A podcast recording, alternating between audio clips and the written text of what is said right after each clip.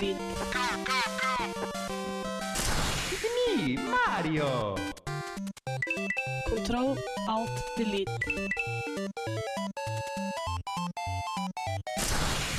Unable to comply.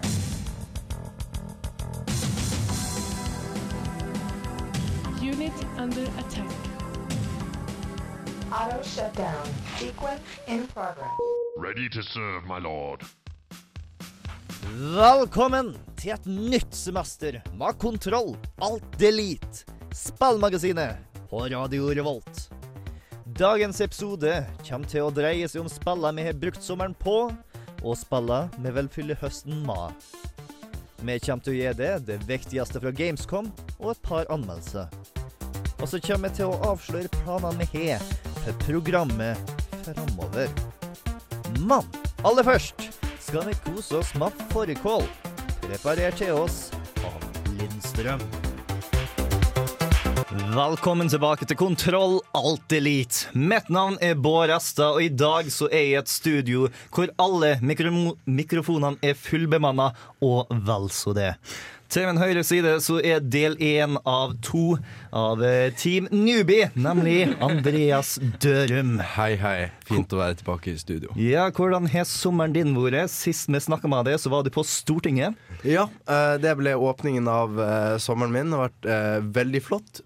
Blant annet vært i Berlin.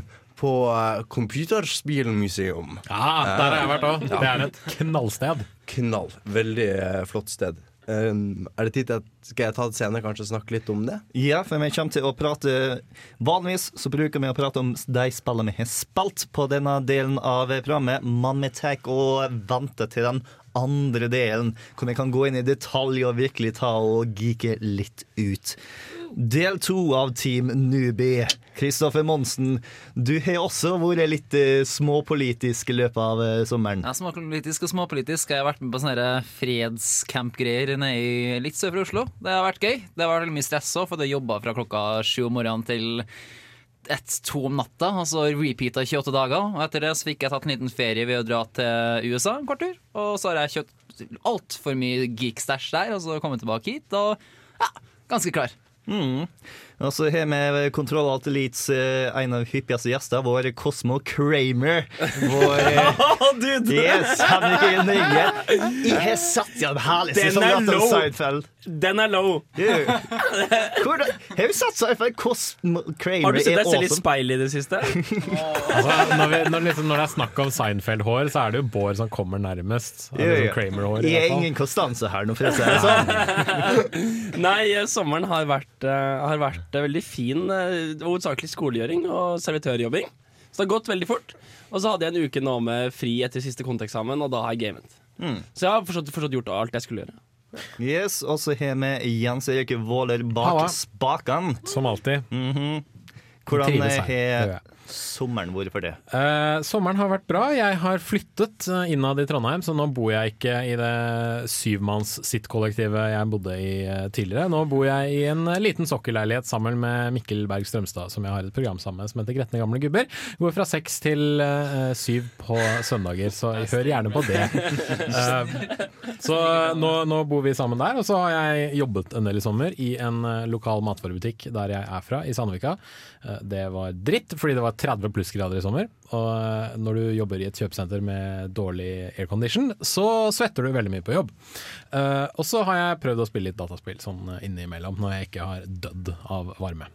Yes. Sjøl så har jeg vært i Trondheim og loka rundt. En god del av tida har faktisk gått til å finne tak i spillmusikk til dette programmet.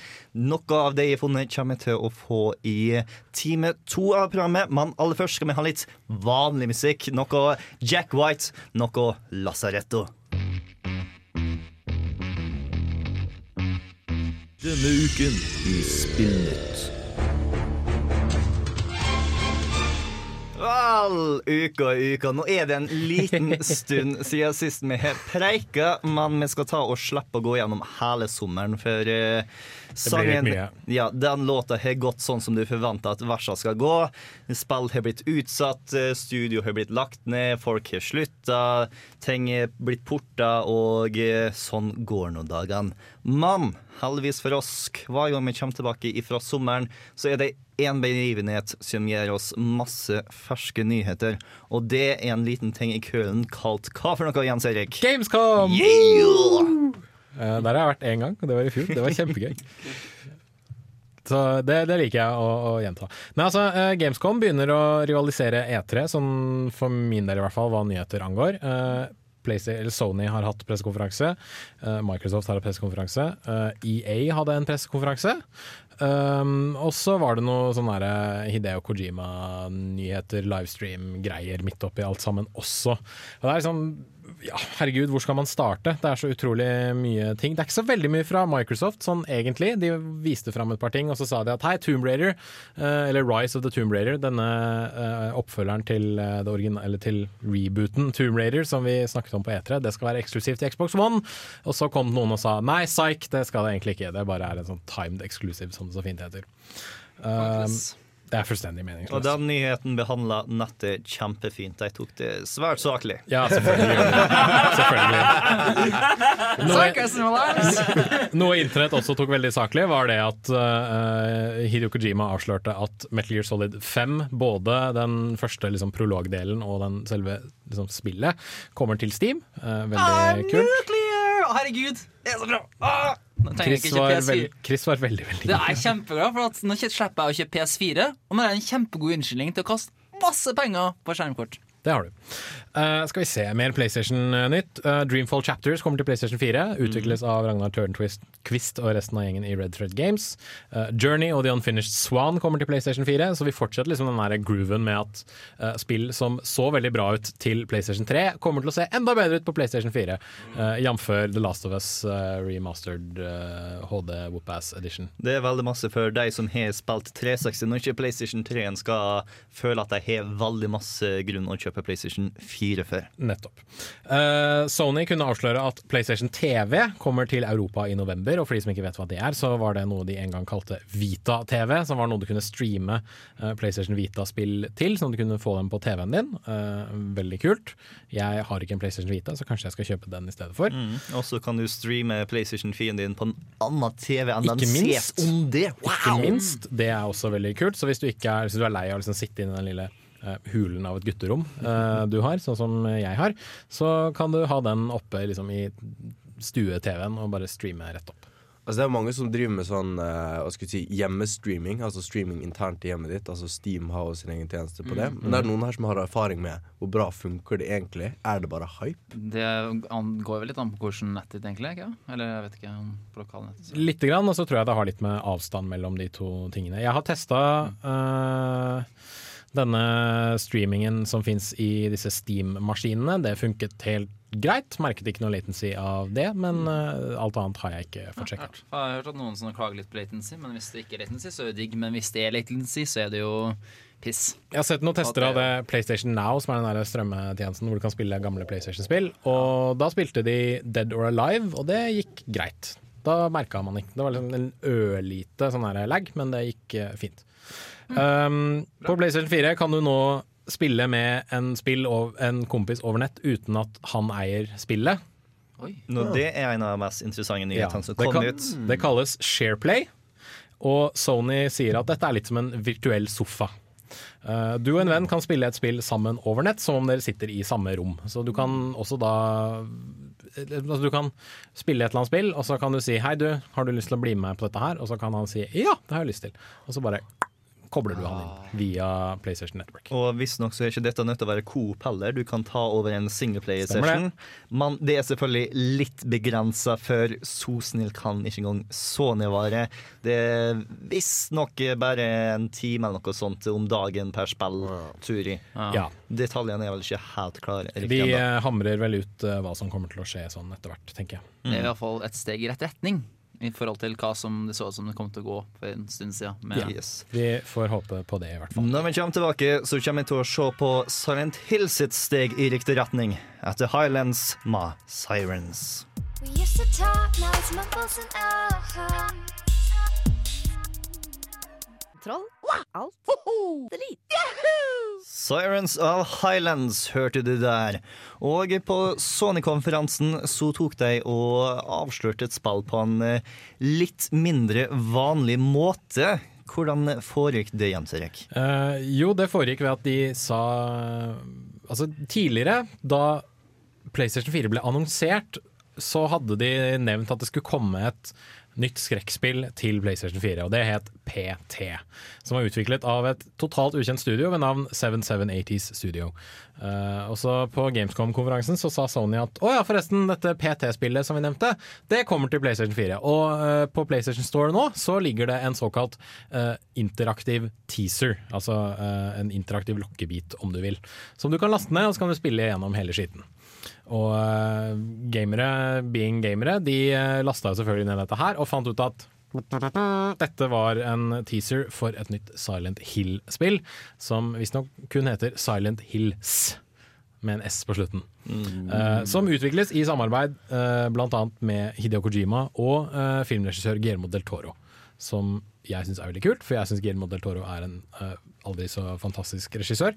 Uh, men akkurat hva slags form dette spillet vil ta, det vet man ikke. For man regner med at denne uh, teaseren man kunne spille gjennom, var rett og slett bare en slags ja, kall det en proof of concept. Så liksom si at her er, her er noe av det du kan forvente, men det betyr ikke nødvendigvis at vi skal ta spillet i denne retningen. Det er ikke nødvendigvis at du spiller på den måten. For dette var det, det du kalte en playable teaser, eller en spillbar lokkebit. Og det, det fikk jeg, når vi diskuterte dette i pausen, så fikk Hva jeg betyr det egentlig? Ja, ja, det klarte ikke Mm. hørt om det før.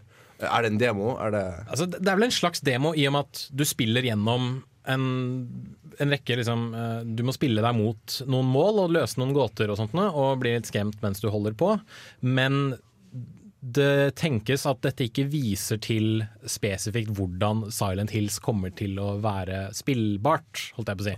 Fordi alt foregår i et førstepersonsperspektiv, Mm. alt foregår i den samme gangen. Men jeg tror det er mer sånn at uh, for, Det er en mer en måte for dem å si at vi skal bringe skrekkspillene litt tilbake til hva de var, og her er det en måte vi kan gjøre det på, tenker jeg da. Men generelt hele måten de er utført på får gamere til å stille mer spørsmål enn svar. Og Ja. folk lurer egentlig på hva faen som holder på, og så plutselig er Norman Reedus på skjermen, og så ja. Ja, Norman, helt Norman Reedus fra Walking Dead og Boondock Saints skal spille hovedrollen, og de har liksom fanga fjeset hans og putta det i spillet og alle de greiene der. Eh, jeg vet Ingen vet helt hva slags rolle han kommer til å spille. Vi regner med at han spiller rollen som hovedpersonen. Og siden det er Silent Hill, så har han vel gjort et eller annet i fortiden sin som han må bøte for. Men uh, akkurat, hva, akkurat hva han har gjort, det vites ikke. Uh, om han er denne faren som har tatt livet av familien sin, som de snakker om i teaseren, eller om han er uh, bare en tilfeldig fyr, eller hva han er, det, det vet man ikke ennå. Dette er mest interessante nyheten jeg har hørt om både Silent Hill og Hideo Kojima på lenge. Fordi Silent Hill har hatt en ganske eh, laber kvalitet siden PlayStation 2-æraen. Og Hideo Kojima er av den typen som Folkens, jeg kan gjøre noe annet Metal Gear Solid, og dette er den siste Metal Gear Soliden, men eh, OK, dere sa at dere ville ha en til. ah, OK. Men nå kan han endelig ta og gjøre noe annet. Og det som er så interessant med at han går inn i skrekken, er at han er alltid så flink med å tøyse rundt med mediet, og det er en veldig god måte å ta og fucke med spillere som har lyst til å bli skremt på. Og to ting også interessant med denne interactive teaseren. En er jo at de bruker Fox Engine, og andre er jo at eh, det altså er veldig randomized. Altså at spillere opplever at de opplever ikke det samme som andre spillere på spesifikt tidspunkt, og at Mm. plutselig så skjer Ja, som, som tidligere, Erik, at det skjer forskjellige ting hver gang du går gjennom denne gangen. Og det er veldig mange som faktisk sliter å komme seg til slutten og se den derre Silent Hills-teksten, for at ja, de klarer ikke å få den derre sequensen de trenger da, for at eh, de skal kunne se det. De blir bare drept. Hvor lang er egentlig den, den teaseren her? Um, den varer et par timer, faktisk. Men grunnen til at den varer et par timer, er fordi det er veldig uh, obskurt hva du skal gjøre. Det er liksom aldri helt klart hva du skal gjøre. De første par gangene du går gjennom denne gangen, så kommer du liksom bare til, tilbake til, til slutten igjen. Så etter hvert så må du, du må finne et spesifikt bilde som ligger på et spesifikt sted, som forteller at ja, hvis du trykker R, altså trykker inn den høyre stikka, kan du se på ting. da. Og så er det veldig, mye, veldig ofte at du må gå opp til noe, og så må du se på det. Det er litt mye sånn Det føles litt som et gammeldags pek og klikk-spill. Der du plutselig innser at ja, nå vet jeg ikke hva jeg skal gjøre. Da prøver jeg bare å klikke på alt og håpe på det beste. Litt sånn Gone Home-aktig. Altså, bortsett fra at det ikke er så skummelt, da. Ja, på en måte, men Gone Home føltes litt mer retningsstyrt. Eh, det var litt mer sånn Du hadde litt mer følelsen av at du visste hva du skulle gjøre i Gone Home, fikk jeg følelsen av, da, enn i den PT-greia. For uh, du må egentlig bare gå rundt, og så må du bare håpe på at ting skjer, og så åpner døra seg, og så kan du gå videre til liksom neste sekvens. Da. Og det er det som irriterer noen mennesker, har jeg funnet ut. Det faktum at det er dette tilfeldige elementet, og det at du aldri helt vet hva du skal gjøre, fordi spillet rett og slett ikke forteller deg noe. Mm. Tilfeldige elementer og det å gå rundt skal vi prate litt mer om når Jens Erik skal anmelde Rogue Legacy. Først skal vi høre Kevin Gates med 'Wish I Had It'. A vision without action is merely a dream.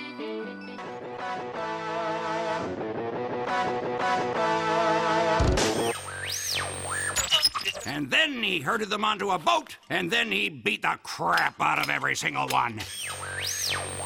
The only product ever to be personally endorsed by notorious ladies man, Mr. Shank. Yeah, so this shit is tits, guys. You should see what my bitch thinks of me now.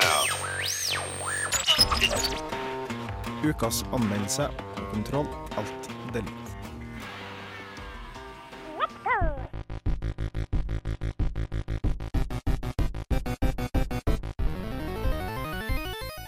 Høy vanskelighetsgrad, tilfeldig genererte nivåer, bratt læringskurve, konstante dødsfall og en sadomasochistisk holdning til spilleren karakteriserer opplevelsen du får når du bryner deg på Rogue Legacies stadig eskalerende utfordringer.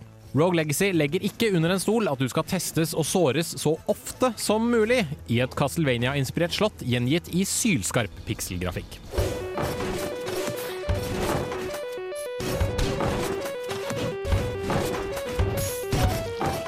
Som tapper ridder skal du forsere de mange monstrene, fellene og hindringene i Castle Hamson, et eldgammelt og forbannet slott som vokter en ungdomskilde. For å komme til slottets indre kammer må du bekjempe fire unike bosser og sløye så mange monstre som overhodet mulig på vei til målet. Det unike med Rogue Legacy er at når du dør, tar et av dine avkom over helterollen og fører arven etter deg videre. Du velger én av tre figurer med unike klasser, trekk og magiske ferdigheter. Velger du den fargeblinde barbaren som kan slå hardt, men farger alt i spillet grått? Eller velger du kanskje den lille ninjaen med muskelrykninger som gjør at han mister penger hver gang en fiende treffer han? Hvem du velger bestemmer måten du bør spille på, samtidig som deler av slottet blir både vanskeligere og enklere avhengig av hvilke trekk figuren din kommer med. Utstyr og oppgraderinger du har låst opp tidligere, blir videreført til den nye helten, slik at du er bedre skikket til å takle slottets utfordring for hver generasjon som kommer. Og de er det jaggu mange av. Både generasjoner og utfordringer. Slottet er nemlig fullstendig tilfeldig generert for hver gang du går gjennom, så du kan kun stole på dine egne ferdigheter med figuren din, og ikke kartmemorisering eller fiendeplassering. I likhet med mange spill innenfor den beryktede Rogalight-sjangeren preges Rogue Legacy av litt treg fremgang til å begynne med. De første par generasjonene er helten din veldig svak og ynkelig, men etter hvert som du låser opp bedre våpen, kroppspanser og oppgraderinger, blir du til en vandrende stridsvogn som sløyer monstre som en varm kniv går gjennom smør. Følelsen av å gå fra patetisk ridder til kompetent helt er utrolig godt gjennomført, noe mange moderne spill kan lære mye av. Har du is i magen og er lei av actionplattformspill som føles litt for lette, er Rogue Legacy definitivt spillet for deg. I motsetning til mange moderne spill føles seierne virkelig fortjent, og mestringsfølelsen er på topp hver gang du bekjemper en boss, en vanskelig fiende, eller kommer deg tørrskodd gjennom et tilsynelatende umulig område i slottet. Karakter åtte av ti.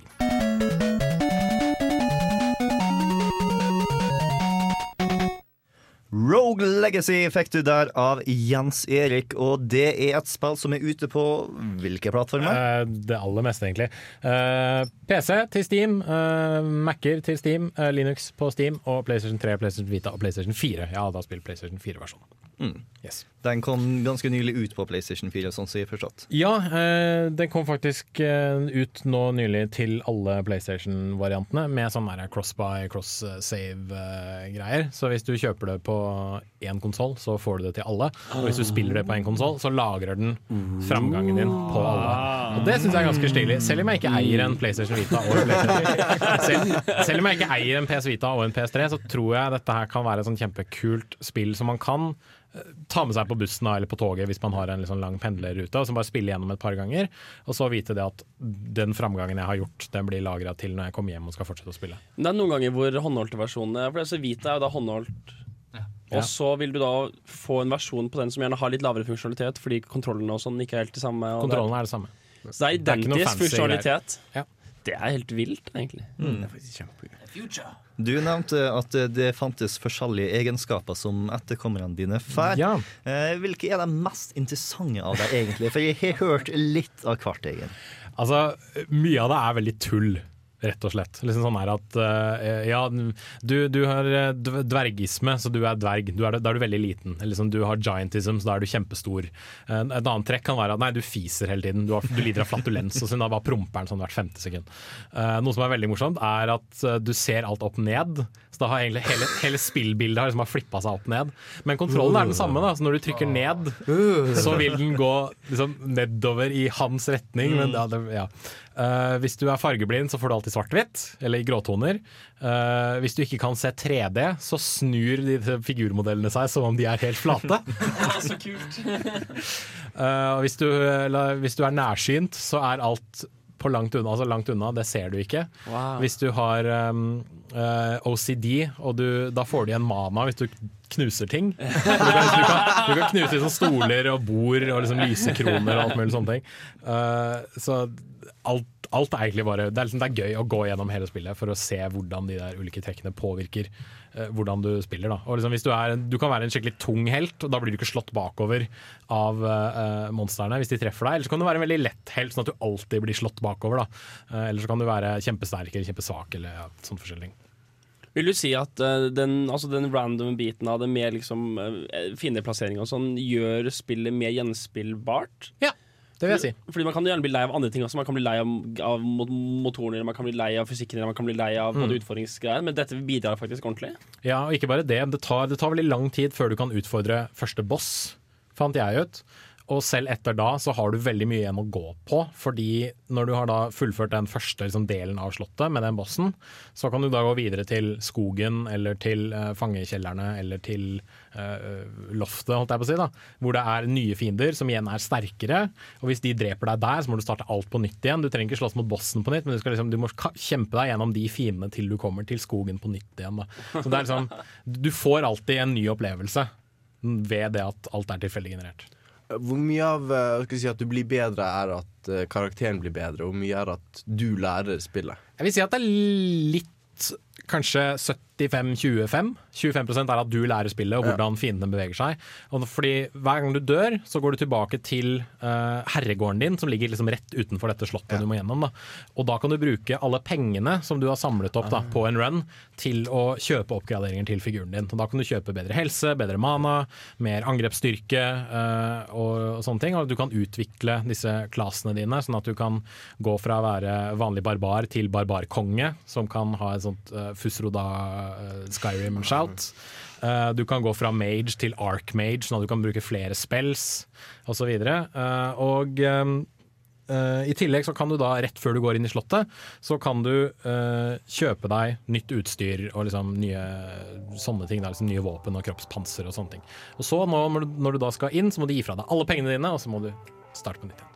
Mm. Men det er kult. Det anbefales veldig. Jeg synes det er kjempegøy. Jeg har spilt det store deler av sommeren, egentlig. Lommerusk. Lommerusk! Lommerusk, ja. Spill du får plass til i lomma. Hawkeye! Da Vinci er noe av det aller beste AppStore har hatt på lu lenge. Nå har deluxe-versjonen ankommet med mange forbedringer og støtte for Windows Phone og Android. I Da Vinci leker du vindgud mens du prøver å guide en varmluftsballong gjennom fargerike nivåer med rolig gitarplukkende musikk i bakgrunnen. Ved å tegne linjer skaper du luftstrømmer som sender ballongen seilende bortover landskapet. Og tegner du sirkler, skaper du virvelvinder som kan tømme innsjøer. Enkelt konsept og nydelig utført.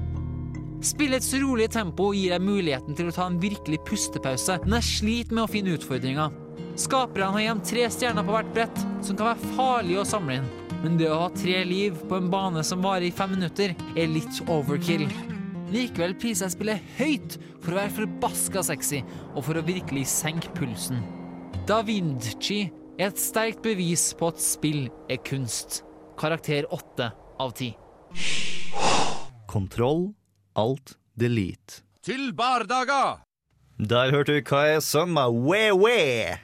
Og eh, før det så hørte du eh, Chris sin anmeldelse av eh, Da Vinci. Eh, som eh, finnes, finnes på hvilke plattformer? Eh, Du kan få det på, eh, på iPhone for 25 kroner, tror jeg. Og så kan du også få det på Windows Phone for 17 kroner. Og De sa de skulle gi ut til Android i sommer, men de har faen meg ikke gjort det ennå. De sa de skulle gi midten i sommer, men nei da! Nei! Jeg fikk iallfall prøvd, da. Så Det er i hvert fall 25 kroner for uh, deluxe edition. Ja. Og er eh, hvorfor burde folk gå for den? Eh, Du burde skaffe den fordi at eh, de har pussa opp grafikken, blant annet. De har full retina-support, som jeg vet ikke hvor høy pixelen er. Men det ser, vel- det ser bare så sykt mye bedre ut. Og de har også blitt gjort rendringa bedre. Altså at det å få At grafikken ser bare mye smoothere ut uansett. Og de har også lagt til et par ekstra features, blant annet at du kan lage de virvelvindene. Og at når du tegner en linje, så trenger den ikke bare være strak. Du kan ta den i sikksakk rundt omkring, og du ser at du får liksom det er det det skjer på skjermen. Da. Ja. Og så mm, er også banene mer balansert, og du har fått en ny også. For hva slags sjanger er det spillet havner i? Det er en platformer. Uh, du, du merker at den spillet er veldig avhengig av bl.a. timing, og det er også veldig avhengig av at du leter litt rundt på brettet, og at du utforsker litt. Og det digger ganske mye at det, det navnet, Da Vinci, spiller Mm. selvfølgelig på navnet til Leonardo da Vinci. Uh, og du, har, du føler ikke som at den har den filen at den, den spillet føles ikke smart ut som oppfinnelsene til han. da Og at uh, de mekanismene du ser rundt, er sånn Å, det her har sikkert Da Vinci har gjort noe med. Ikke sant? Og det, ja, jeg synes det er noe av det gjør det veldig kult. da Men også at bare ja, spillet mwah. Bruker jeg noen av kunstverkene hans, eller bare de ingeniørideene hans? Jeg tror det er mest ingeniørideene, men den grafiske stilen til spillet er sykt bra. Det er altså Det å ha bare en retina-skjerm og det å ha et gode hodetelefoner som eh, bare pumper ut nydelig musikk, gjør bare til en skikkelig vakker spilleopplevelse, syns jeg. Og det bare ser så forbanna bra ut. Det er det som virkelig slo meg, i hvert fall. Selv om det ikke var altfor utfordrende. Det er et spill verdt å ha i lomma. Altså. Mm. Ok, da tar vi en liten musikal pause før vi avslutter sendinga. Nå skal vi høre Billy Van med On My Knees. Som vi vanligvis gjør på slutten av en episode, så har vi lyst at du skal ta og følge oss på sosiale medier, sende inn spørsmål og alt det der. Men det som er nytt for eh, høsten, er at vi nå kommer til å satse litt mer på sosiale medier enn vi vanligvis har gjort. Og første steg i det er å ha et uniformt navn. For eh, så langt så eh, skulle du kontakte oss på mail, så er det nerd.radiorevolt.no. Skulle du finne oss på Facebook, så er det Radio Revolt presenterer Kontroll Alt Elite. Skulle du finne oss på Twitter, så var det RR understrek spill. Det er liksom, Du må tippe det litt fram og være god i hukommelsen for å ta og få det med oss. Og nå skal vi gjøre ting litt enklere, for nå skal vi bare ta og bruke et ord ingen andre bruker, og som beskriver det vi gjør her i studio ganske godt. Det ene ordet du trenger å huske, er nerdeprat. Nerdeprat. Nerdeprat. Enkelt, sjø. Mm. Så eh, hvis Det vil være sånn jingle. Enkelt, sjø! Så hvis du stikker inn på Twitter, så er vi at nerdeprat. Hvis du får inn på Facebook, så er det nerdeprat Ma kontroll alt delete. Hvis du skal ta og sende oss en mail, så er det også nerdeprat at radiorevolt.no du skal fare på. Men vi stanser ikke der. Med Vi kaster et par Veldig- ekstra veldig Billy Mays her, altså. Yeah. For prisen av tre sosiale medier, så får du også Instagram. Har du lurt på hvordan vi ser ut? Ikke lur lenger. Vi kommer til å legge ut bilde av oss sjøl, det vi spiller, det som skjer i studio, og ting som ser kult ut, på Instagram. Hva er navnet? Nerdeprat! Nerdeprat. Enkelt, sjø! Yes. det er ikke greit, det er ikke greit. Nei. nei. Og dersom du har lyst til å ta og se oss mens du hører oss, så hold med på å starte opp en YouTube-kanal. YouTube-kanal med navnet Nerdeprat? Nerdeprat? Nerdeprat. Yes! Eh, der vi holder på å ta og bygge opp en hel haug med rekvisitter og kulisser nede i kjelleren her. Vi skal ta og rigge opp et par kamera og gjøre et par audiovisuelle ting. Så vi håper på at du har lyst til å se. Vi har alle sammen lyst til å ta og holde på med litt Let's Play. Og du får også sett en liten sneak peek av det settet akkurat nå på Instagrammen. På Nerdeprat på Instagram. Nerdeprat! Nerdeprat. Og hvis du, hvis, hvis du ringer inn nå, så skal faktisk Bård ha på seg bukse på første Let's Playen. Yes, Du må bare ta og trykke deg samme nummer som er nerdeprat, fordi at jeg fikk akkurat det nummeret. Og det er nøyaktig åtte bokstaver. Nei, bare tøyser. Eh, så eh, stikk, eh, hvis du drar på YouTube nå, så ligger det faktisk noe allerede ute. Fordi at det er ikke så lett å finne tak i den spillmusikken vi har i andre time. Ikke nå lenger. Vi tar å og lager etter hver eneste episode en spilleliste av den spillmusikken vi har hatt.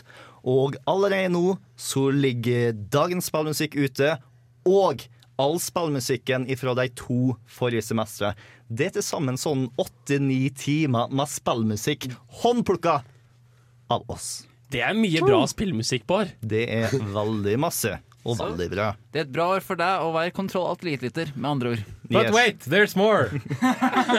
Nei. Jo da, jo, det er mer. Jo, da, Jo da, vi har også Google pluss. Fordi at vi har nødt til å ha Google pluss. I motsetning til alle andre. Yes. Prikken på den Vi proverbiale kommer sannsynligvis aldri til å bruke Google pluss, men Google tvang oss til å få det for å få nerdeprat på YouTube. Og så har vi MySpace også. Bare søk opp nerdeprat på MySpace og bli litt mer skuffende du forventer å bli. Always a little worse than you thought. Yes. Eh, så nå som du snart kommer til å se trynene våre for kanskje første gang, dersom vi er annerledes enn det du forventer ifra de svært så lekre stemmene våre, gjerne ta og send inn og forklar hvordan eh, du forestilte at vi så ut. Hvordan kan du nå oss igjen? Nerdeprat. Nerdeprat. Nerdeprat. Og hvis du, hvis du sender inn en veldig fin tegning av hvordan du tror Bård ser ut Oi, oi, på. Twitter, på Nerdeprat, så skal, du- skal du få en premie. Vi burde få en barnehage til å tegne på. En liten premie, en liten koselig Nerdeprat-premie. Jeg har faktisk eh, noe fra USA som faktisk skal passe seg, så jeg vil anbefale veldig sterkt å gjøre det. Mm. Men apropos premie, for jeg har veldig lyst å få flere folk på Facebook-sida vår. Facebook-sida med navnet Nerdeprat. Nerdeprat? Med kontroll alltid likt. Jeg har den inne, altså. Så eh, hvis vi innen slutten av september får 250 eh, medlemmer der for øyeblikket så har vi 157. Så kommer vi til å gi bort et spill fra eh, biblioteket mitt på Steam. Når jeg handler på eh, Steam, på alle Steam-salger, så tar jeg ikke og putter det direkte i biblioteket. Jeg putter det i den lille inventoryen.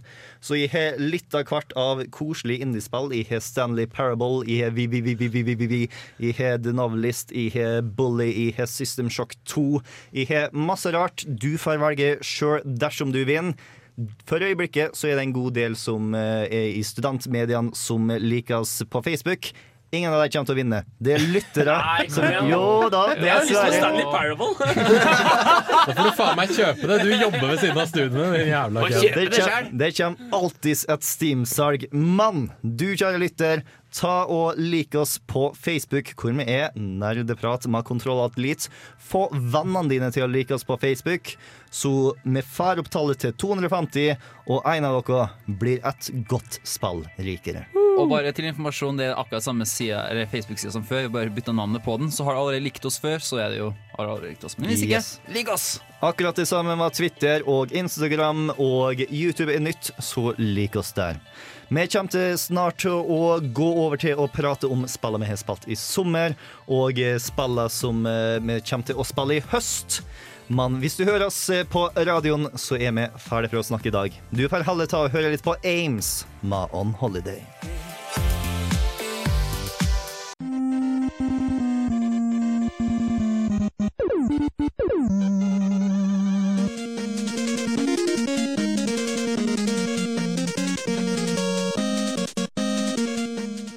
Og da kjører vi inn i den gode, gamle andetimen, hvor vi slapper litt av, eh, løsner i skjortene og gjør det kontroll alt elite gjør best, nemlig nerdeprat. Men Bård, alle har jo på seg T-skjorter, så hvordan kan vi løsne skjortene på noe som helst Okay, vel, Nå ødelegger du det visuelle bildet jeg prøver å male inn i våre kjære lyttere. Ja, ja, Så knapper. bare forestill deg at absolutt alle sammen tar av seg skjorta fordi at Jens Erik trenger realisme. Ikke godt gjør det også. Nei, Jeg tror bare på ærlighet angående det som skjer inne i studio. OK, ingen tok av seg skjorta. Nei.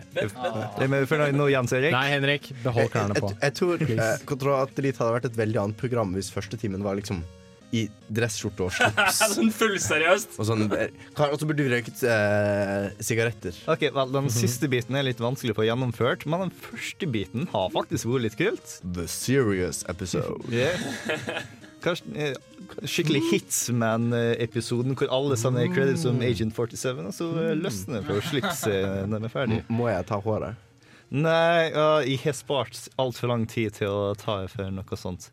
Men det er ikke håret vårt eller bekledningen vår vi skal prate om i dag.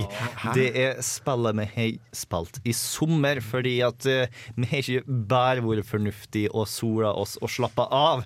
Vi har også sittet innendørs, tatt og passa på å ikke få for masse hudkreft, og eh, kasta bort et par digitale timer. Er det noen som har et spill de virkelig brenner for, som de har lyst til å prate om her og nå? Altså jeg, Med tanke på Watchdogs så brenner jeg litt. Jeg vet ikke om jeg vil kalle det brenne for. eh, fordi Watchdogs hadde jeg litt forhåpninger til. Altså jeg, jeg, jeg, er litt sånn politisk interessert, og vi er i en sånn med tanke på overvåkningssamfunnet, så er vi i en veldig spennende, fryktelig skummel, eh, rar tid, hvor mye skjer. Og her er det liksom et spill som tar opp dette og kan utforske det gjennom gameplay og sånn. Uh, så jeg var, jeg var veldig, veldig spent på Watchdogs. Og så klarte de ikke å følge opp. Altså, det var, eh, det var spillet vi trengte akkurat nå. Eh, men, men Watchdogs er ikke det eh, spillet vi trengte akkurat nå, men det er kanskje det spillet vi fortjener. Eh, og da mener jeg ikke at spillet er Batman, men, men jeg tror det er kanskje det vi får når vi vi har alltid liksom pushet på å, hvor mange timer var det spillet, hvor mye content er det, hvor mye kan du gjøre i spillet. Og vi har bare pushet og pushet og pushet. Og Watchdogs prøver å være et kult skytespill, et kult snikespill, et kult bilspill, et kult alt mulig spill. Men det ender opp med liksom å prøve å fortelle en historie med tre tunger og kravler på syv bein. Og liksom, en sånn forvokst mutant ting. Og jeg tror den hvisker sånn 'Drep meg! Drep meg!' Eh, for, fordi spill Jeg føler mange sånn Triple A-spill er blitt altfor store til at de klarer å fortelle én historie effektivt. Jeg tror et problem som mange folk hadde, og som en artikkel jeg leste for en stund siden hadde med Watchdogs, var at uh, det var en journalist som var veldig veldig, veldig, veldig gira når den, første etter-traileren. Men når den kom til en del i traileren der plutselig han hovedpersonen begynte å ta fram en pistol og skyte, da mista han helt uh, teten. Og jeg, Ja. vet ikke, jeg, jeg tror kanskje at Watch, Jeg har ikke spilt Watchdogs sjøl, men uh, jeg tror Watchdogs likevel kunne vært kulere om de kanskje Ubisoft hadde utført seg mer og prøvd å få til et spill der hovedpersonen må klare seg helt uten noe å plaffe folk med. Dette er jo Ubisoft, da. Eh, folkene som har perfeksjonert formelen i uh, sjangeren som heter 'hvit mann redder dagen'. Ikke bare det, de har også perfeksjonert uh, formelen som heter 'vi lager én trailer som viser én ting, og så lager vi et spill som er noe helt annet'. Eh, så liksom, dette er jo ikke noe nytt i Ubisoft sitt arsenal. De, de er så store og trenger å tjene så mye penger at de ikke tør å gjøre noe som er kjempeutfordrende. Hvis de gjør det, så er det liksom et småstudio som, som utvikler det, og dessverre så blir det ikke noe bra. Så, så typ eh, det der um, Child of Light, det var ikke noe spennende spill. Det viste seg å være ganske kjedelig, spør du meg i hvert fall. Er det noen andre som følte at Watchdogs var Assassin's Creed med biler og våpen? Ja, det var det. Jo, det er faktisk litt av teorien min, er at hvis vi gjeng tilbake en generasjon, så var det et storspill som vi alle sammen var dritgira på, som Ubisoft ga ut, og det var Assassin's Creed 1. Og vi spilte det, og det var sånn ah, vel, Jo, de ga nå det vi litt forventa, men Ja, det var kanskje litt samme opplevelsen. Kjem Assassin's Creed 2 og bare sånn Ja! har du det. det er det spillet vi forventa. Ikke alt det tjafset som var på sida. Dette var det vi har lyst på. Så da er spørsmålet Er Watchdogs 2 Assassin's Creed 2. Men gjorde de, hva gjorde de riktig i toeren? Det er jo riktig i toeren er blant annet Hvis du skal til en by, så tar du ikke rir i 20 oh, ja. minutter. Det er masse mer levende byer, litt mer våpen. Det ble masse mer streamlina og sånn som du har lyst til å spille. Største problemet til Assassin's Creed 1 var at det var veldig repetitivt. Du måtte gjøre de samme tingene i hver eneste by, og de byene som ganske like ut. Og det var veldig lite varierte fiender, og rett og slett bare historien var også litt kjedelig, syns jeg. Og så sa tiggerdamen! Ja. Å, sa Å, tiggerdamen! Sammen hver jævla gang i hver jævla by. Men jeg vet ikke, jeg sy For meg var det Assassin's Creed 2 som begynte denne more is more is more. eh, liksom Bare legge til nytt, legge slope. nytt, legge til liksom, OK, hvordan lager vi bedre? Vi har dobbelt så mye. Ja, men var det Jeg vil si det var litt repetitivt for i Watchdogs for meg også. Mm. Det var litt sånn ja Altså- jeg, jeg, jeg, jeg tok og åpna alle overvåkningspostene for å få tak i silenced maskingevær, og da ble jeg lei. Og så ga jeg ikke å spille. Sånn, ja, okay. Nei, men Det er litt av greia med Ubisoft-spill, hvor vi gamere egentlig er nødt til å lære oss at skal du spille et Ubisoft-spill, så må du forstå at eh, du ikke gjør alt. Hvis du gjør alt, så kan du gjøre alt. Det vil ta deg veldig mange timer. Men du må forstå at selv om noe er på en minimap, så må du egentlig ikke gjøre det. Ja, så hvorfor i helvete er det der da?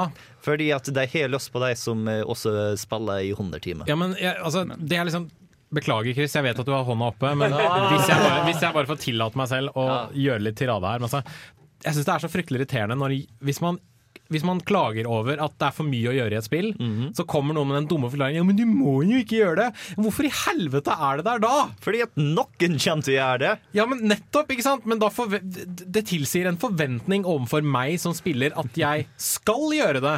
Fra liksom spilldesigners del. Så det er så, det er så, det er så jævla håpløst. Ikke sant? Fordi enten så vil vi ha kjempemye, eller så vil vi ha kjempelite. Men nei, jeg, øh, jeg irriterer meg grenseløst over at det er for mye å gjøre i dataspill. Altså. Nei, men jeg synes egentlig dere fokuserer på et, eh, alt, på et feil problem. For at Det er nemlig et problem tidligere i spillet, som jeg synes et Steam Review sa nevnt ganske bra. Fordi at han skrev nemlig at eh, Well, I used five, six, seven hours on the first mission, which was hacking into the Ubisoft mainframe. altså Uplay. Men altså, uh, problemet er ikke at Ubisoft lager en sandkasse hvor du kan velge hvor mye du gjør. Problemet er at de prøver å fortelle et narrativ om en person og være en sandkasse samtidig.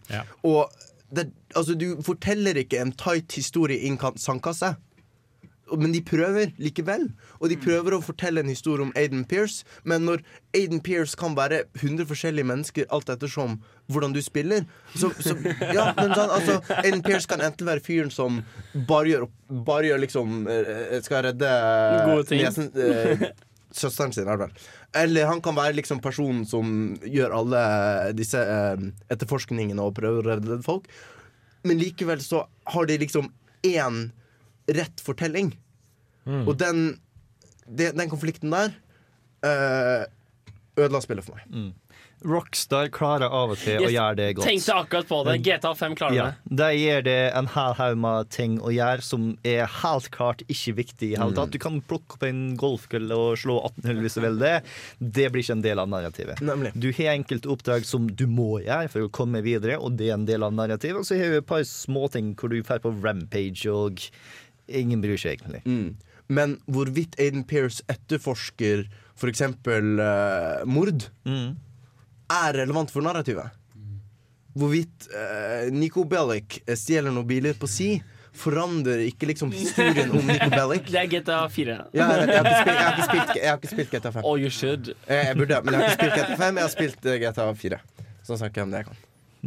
Ikke for å gå too off topic, men når du spiller GTA 5, Andreas Vi er jo ganske langt spill- off topic allerede. Er ikke? Men ikke spill det fuckings ubåtoppdraget. Ikke spill ubåtoppdraget. To-tre fuckings timer. Tre timer i en ubåt der du kunne plukke opp tønner. Hva faen? Og hvis du vil, så kan du ta og bruke 20 timer til på ekstraoppdrag i den ubåten. Muligheten er der. Folk flest bruker den ikke. Men, men, ja, men det er det Ubisoft må Hvis du skal ha masse, masse frivillig eh, ting så må ikke de forandre narrativet. Og hvis de forandrer narrativet, så må de jeg vet ikke, Er det lov å snakke om slutten på Watchdogs? Nei. Kan vi det? Nei, nei, nei. Nei, jeg tror ikke eller, altså, Hvor lenge siden det Watchdogs kom ut? Men altså, jeg har ikke spilt det samme. Jeg går ut. Men kan, kan jeg, har kan kan si noe om den? Det er for nært. Too Ok. early, too early. Ok. Eh, men, du, men du, merker, du merker noe når du følger flere la. og det er et vesentlig poeng i denne debatten. Debatt? Diskusjon. Diskusjon. Yes, la oss legge den diskusjonen litt flat og se om det er noen andre som har et spill de har lyst til å preike litt om. Jens Erik? Eh, altså Når vi er inne på åpne verdener, da, og spill som gjør åpne verdener riktig, så har jeg litt lyst til å snakke om Saints Row 4. Eh, fordi da jeg var her oppe i Trondheim for å flytte i slutten av juni, starten av juli, så hadde jeg plutselig litt for mye tid før liksom selve flyttingen skulle finne sted. Men så hadde jeg pakket ned liksom det meste av tingene mine, og så var det, da lurte jeg litt på hva jeg skulle gjøre. Og da tenkte jeg, vet du hva, da kjører jeg i gang og så spiller jeg Saints Row 4, som jeg hadde fått tak i nylig til Xbox 360. Og det er et sabla kult spill. Uh, mest fordi eh, de gutta i Volition, er det vel, som yeah. har utvikla det, uh, vet når de skal ta ting seriøst, og når de skal gjøre ting tullete. Og eh, det begynner jo med en eh, altså hva er det? Først så begynner de med en parodi på Zero Dark 30, som etter hvert blir til en parodi på The West Wing. Som blir en parodi på The Matrix. Uh, som etter hvert blir en parodi på sånn fem-seks andre popkulturelle ting. Og det er, uh, det er utrolig gøy, og de har en åpen verden hvor det er, det er ting å gjøre, men det er ikke for mye å gjøre. Det er liksom akkurat passe nok ting å gjøre, og det tar ikke altfor lang tid å gjøre det heller. For Altså, historien i Saints Row 4 er at uh, du som lederen av The Third Street Saints har blitt president. eh, fordi det er det du gjør. Etter å ha tatt over President av statene, eller? Ja, av USA. Etter, da, liksom, etter å ha hatt det der store liksom, mediekonglomeratet i Saints Row 3, så måtte de liksom bare ta det et skritt videre. Og det var at ja, nå vedkommende blir president. da Så er det mange uh, tidligere Saints Row-figurer som dukker opp da som en del av, liksom, av kabinettet. da Eh, og liksom, Det første du gjør som president, er at du, du går gjennom gangene i Det hvite hus. Eh, veldig sånn Aaron Sorkin-style, walk and talk. Ja, og med følgekamera som, Ja, ja, som går bakover. selvfølgelig. Og så da kommer det Så kommer liksom visepresidenten din, da, som er skuespiller Keith David. Nei, så kult. som hadde uh, en stemmerolle i det første Saints Row. Eh, og de driver hele tiden og refererer til at shit, de to ligner litt sånn på hverandre. og det første, du gjør, det første han sier, er at ja, vi har nok penger i budsjettet til én av disse to tingene. Du kan enten kurere kreft eller gjøre slutt på uh, sulten i verden. Og da er det sånn fuck cancer eller let them eat cake. så da må du selvfølgelig gjøre en, beslutning som president. Men vips, eh, presidentperioden er ikke, så, eh, er ikke en dans på roser når romvesener angriper. Of course. Selvfølgelig. Som, som de selvfølgelig gjør. Eh, og da viser det seg at du har installert et helvetes bra sikkerhetssystem i Det hvite hus. Du løper ut, setter deg i en svær sånn turret og begynner å skyte ned Skyte ned romvesener. That's a feature. Ja, that's a feature. Og så går du opp og så slåss du mot lederen av romvesenet. Han sier 'fuck dette her', transporterer deg inn i en datagenerert virkelighet. Hvor du først i de første fem minuttene må spille deg gjennom en uh, 50-talls-sitcom med deg selv i hovedrollen. Litt sånn Ready Player One-referanse. Lite grann. Og så etter hvert da, så klarer du, liksom, du klarer å hacke deg ut av denne uh, virkelighet, virtuelle virkeligheten. Du finner ut at romvesenene etter hvert sprenger jorda. Det er ikke en spoiler, det skjer i løpet av den første timen. En liten Douglas Adams-referanse. Ja, veldig. Og så må du da finne gjengen din og slåss mot, uh, mot romvesenene. Men fordi du er i en datasimulering, så trenger du ikke kjøre rundt i biler og sånt nå. Nei, nei, du har superkrefter. Naturligvis. Så du kan løpe kjempefort, hoppe skikkelig høyt. Du kan påkalle liksom, våpen og biler liksom, ut fra ingen sted. Er det, er det, det, det, det høres gøy ut. Er det gøy? Det er, Det er det kjempegøy! Og det er liksom Det, det har det, det har altså, Det gir så faen på liksom de akkurat riktige tidspunktene, og vet liksom akkurat når det skal uh, eskalere i forhold til hva du får av uh, krefter, fordi du får hele tiden nye superkrefter. Eksempel, du kan kaste uh, isskudd, du kan kaste ildkuler, du får telekinese, som gjør at du kan plukke opp fiender og kaste dem Wow. veggimellom. Du får en sånn trampepower som gir, sender sånne sjokkbølger. Du kan løpe opp bygninger, du kan hoppe høyere enn den høyeste skyskraperen i hele jævla byen, og så bare seile av gårde på, liksom, med superkreftene dine. Og det er bare Å løpe rundt og gjøre de tingene er kjempegøy. Og så de, har de faktisk laget en utrolig bra historie midt oppi alt dette her. Hvor du skal ta hevn på disse romvesenene, samtidig som du da gjør eh, sånn lojalitetsoppdrag da, for folka dine. Og Du får lære mer om deres fortid og liksom, ting de angrer på i livet sitt. og alt mulig sånne ting. Det er bare Det er utrolig hvor, liksom, hvor morsomt jeg syntes det spillet var. Men, Ja. men Jens Erik, dette høres Ja. ut som et spill som som bare skal være gøy å spille? Ja. What is this? ja, det er akkurat det Er det lov? Men, det er, men altså, på veldig mange måter er det overraskende liksom, eh, givende. Liksom 'compelling' er vel uttrykket på engelsk. Uh, men de, de får til å gi deg liksom sånne veldig gode sånne karakterøyeblikk, da, hvor de må, liksom, de må konfrontere sin egen fortid og liksom komme overens med den de en gang var, mot hvem de er nå, og liksom hva de har gjort før. Og. Herregud, det høres ut som det er akkurat det de, de siktet på. De ja, det det er kjempe, kjempegøy, altså. Virkelig. Og eh, de har eh, Du kan liksom hoppe inn og ut av denne eh, datasimuleringen i sånn her Mass Effect 2-stil. Liksom komme tilbake til skipet ditt. Ah. Og da kan du gå rundt da, og snakke med alle i crewet ditt, og så har du da en romance-knapp. Som er en, som er en du har, liksom, du har talk, Instant talk, romance. talk to den og den, eller romance den og den. Det er som instant romance da. Så til én person så kan du liksom gå opp og si 'Hey, Kinsey, wanna fuck?' Og så tar hun og slår til deg og hopper på deg. Eh, mens i et annet tilfelle så får du en fyr til å signere boken han har skrevet. Da. Eh, og du får en achievement da for å romance alle sammen. Nå har du glemt å inkludere den ene detaljen som kommer til å være det aller første jeg gjør hvis vi starter dette spillet. Og det er muligheten til å velge hva slags stemme du har. Og ett av valgene er Nolan North. Nei, Ikke som i at Nolan North sa de vanlige replikkene. Det er at Nolan North spiller Spiller Nolan Nolan North. North. What? Yes. Jeg forstår ikke. Nolan North, en av verdens mest kjente stemmeskuespillere. Blant Ja. annet kjent for Nathan Drake Ja, ja. og Adventure Swear. Men spiller han bare seg selv, på en måte? Hvordan fungerer det? Han er en sånn parodi på seg selv, som er liksom lederen for The Third Street Wow. States. I forrige spillet så var det liksom joke-stemmen, det var en zombie som bare sa Ja. sånne ting. Og denne gangen er det Nolan North. Wow. Jeg har spilt et spill, jeg også. Eh, det er basert på Half-Life 2. Eh, Source North Engine. E-man? Nei, det, jeg kjøpte Er det tema. CS? Det er Counter-Strike Source. Og det er så fett! jeg spilte det på videregående. og Jeg plukket opp igjen for en uke siden. Men altså, ikke, ikke CSGO? Jo, jeg kjøpte det også, men jeg er så mye bedre i Counter-Strike Source. Men hallo Det er derfor folk i 1.6 levde så lenge. Det er fordi at folk var så flinke i 1.6. forklarte ikke å bytte over. For det spørsmålet. Er nå Counter-Strike Source blitt det Nei, nei, 1.6 nei, nei, nei fordi GO har, Go har tatt over. Altså Global Offensive, for de som ikke plukker opp på lingoen. Eh, Counter-Strike Global Offensive er bygd med samme motoren og samme hitboxen og litt sånn samme bevegelsestypene som 1.6. Uh, type du kan løpe med kniv mye fortere. Og en del sånne gamle sånne her 1.5 og beta-løsninger og sånn. Så, men Så Go er det nye Go er ny 1.6, men Source er bare for seg sjæl. Og så er det kommet en sånn asiatisk uh, Counter-Strike Go-basert singleplayer-ting som visstnok er litt kult, som jeg ikke har prøvd. Men jeg har faktisk bare spilt Altså Jeg, jeg, jeg prøvde Witcher et lite øyeblikk. Witcher 2. Som liksom skal være the greatest RPG of all time, ved siden av alle de andre greatest. Altså, Ja, ja, ja. I hvert fall. Eh, dette, du må sette deg mye inn i det, ass. Ja, det er et hardcore rollespill. Det Mhm. er sånn du må være komfortabel med menyer og dø Og som faen. kuppe. Og det er liksom etter å ha spilt kanskje halvtime, så du, altså, har, du har du fått en sånn full tutorial på, liksom, på combat i en sånn arena. Og så spawner det sånn OK, nå skal du få til å prøve combat. Eh, bare husk alt du har lært. Og det er da ti forskjellige teknikker. Eh, hvis du bare bruker ikke alt, alt du har lært nå, og så, og så, og så kan du se hvordan du kommer mot disse folka her, og så tar vi vanskelighetsgraden etter det. Sånn to minutter senere. OK, vi foreslår at du spiller på easy. Og, eh,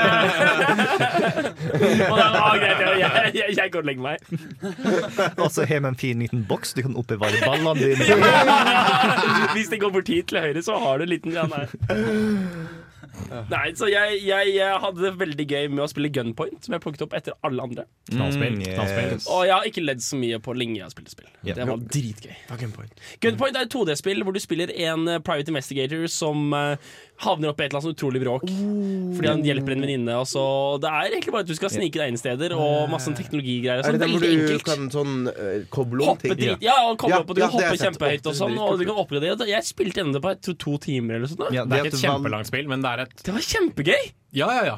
Det er utrolig veldesignet for, liksom, for de to timene. Og liksom, jeg, jeg tenker det at Hvis det eneste du kan kritisere et spill for, er at du vil ha mer av det, Ja, ja, definitivt. da har det gjort akkurat det det skal gjøre. Så. Gunpoint var en morsom opplevelse. Mm. Det, var, det var veldig bra. Jeg kan også anbefale fra samme fyren som lagde Gunpoint, et gratisspill som ligger på Steam nå, som heter Floating Point. Som egentlig er bare en uh, gratis uh, prototyp som han la ut. Fordi han, uh, han var fornøyd med hvordan prototypen ble, men han syntes ikke det var noe vits i å gjøre det til et fullverdig spill. Eh, og det innebærer at du er en rød prikk som kan skyte ut røde streker. Én av gangen. Og disse strekene fungerer som en sånn entrehake. da så er det masse sånne firkanter rundt omkring deg i et sånt helt sånn, sånn abstrahert område. Og så skal du da svinge deg fra liksom sånn fra denne, disse firkantene til firkant. Og så kan du da svinge rundt dem og liksom trekke og uh, dytte deg fra disse punktene. Og, sånt. og så har du liksom gravitasjon da, som fungerer at når du er over vann, så dras du ned. Når du er under vann, så dras du opp. Da. Så må du bare sånn, det er veldig sånn zen-spill. Floating point. Floating point. Hva var det der, eh, Chris, hva var det der spillet du linka meg til? Det der skyte-standing Time moves when you move-spillet? Ja, shit. Um, superhot. Ja. Ja. Superhot, eller hva faen? Superhot! Superhot! Det Det var en utrolig fet demo som Chris linka meg til, som er et FPS-spill. eh, som jeg håper alle har prøvd, fordi det er noe nytt. Lest om det. Ikke spilt det. Til informasjon det så er det det spillet jeg faktisk snakket Den første gang jeg traff Bård, så var det det spillet jeg snakka om. Jeg vet ikke om han husker det, men uh, Jeg husker det ganske så godt. Superhot. Og så snakka vi litt Starbomb. Starbomb. Ja.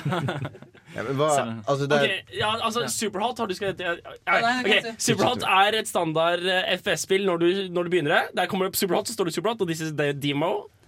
Og så bare er du en dude hvor du, også, altså, du er i ditt rom med bare rødt og hvitt. Uten noe ordentlig grafikk eller noe. Det er bare, liksom, det er bare sketsjen av grafikken.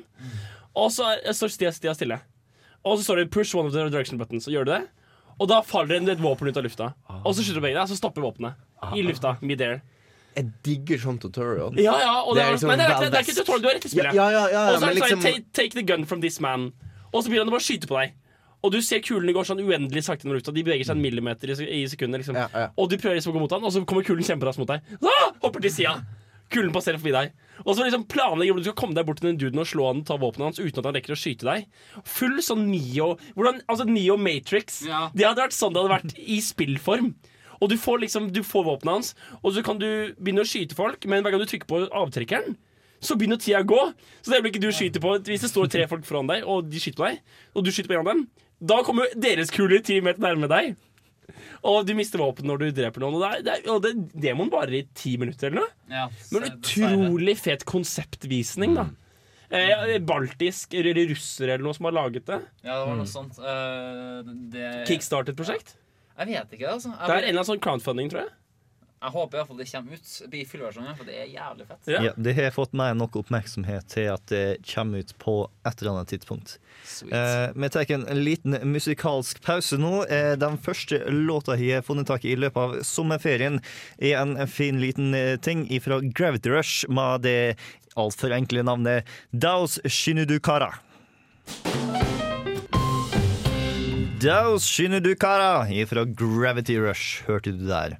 Og eh, Chris, du har ikke hatt så kjempemasse mulighet til å spille i sommer. Nei, for jeg driver på å flytte deg, Bård. Til samme kollektivet. Og jeg har også jeg har vært, jeg har vært i Oslo, jeg har vært i USA, så jeg har ikke fått så mye tid til spill, men jeg har fått litt tid. Jeg tror det beste kjøpet på Steam-selger i sommer var å kjøpe Half-Life Complete Pack. Så da fikk jeg spilt eh, Half-Life 1, eh, bare originalen, men med åh, Hva kaller jeg det? The Source Black Mesa eh, Project. Nei, nei, altså, det er originalen, ikke Source-versjonen, men uh, bare emulator. Uh, Ja. Kjøper på emulatorer. Og, så det var veldig fett. Jeg har også spilt de to tilleggspakkene der, som er Opposing Force og Blue Shift. Som var De er okay. Ålreite. Vet du hvem som har utvikla dem? Opposing Force var ok, det, det var Gearbox, var ikke Mm. Jo, så det var veldig kult å se noen av Gearbox sine første skikkelig shooters. Og så spilte jeg jo selvfølgelig Half-Life 2 og Half-Life 2 episode 1 og 2, som er det som skjer etter Half-Life 2. Og det var veldig moro å reise og bare gå gjennom hele Half-Life-greia med en gang. Har du spilt noen av spillene før? Nei. Du, du gikk gjennom alt Ja, av jeg gikk gjennom alle, bare Ja, ja det var I envy you. Nå, det, det er en eh, god reise. Så det, ja, det, var, det var faktisk gøy, for på det tidspunktet så var jeg så sykt lei shooters. Og så bare kom jeg til Half-Life, så var det jo wow. Det er jo gøy igjen, plutselig. For det føles ut som du alltid fikk akkurat nok ammunisjon og sånn. Og så den, når du faktisk fant uh, healing kits og der, du andre som lager den der jingeren med den der charging suiten og greia Først så forsto jeg den ikke i det hele tatt. Nå er jeg sånn her, Oh my god! liksom, når jeg ser den, så er jeg sånn halleluja, for at du Ja, det, det, er, det er så velplassert og ja, det er der når du trenger det akkurat. Og ja, den her føles fin. Og så, Jeg syns bossene var veldig smart. Ikke så mye i den i, i Blue Shift Den var ganske crap. Men ellers så var bossen ganske kreativ. Jeg synes det var relativt god flyt og bare kjent veldig, veldig fun.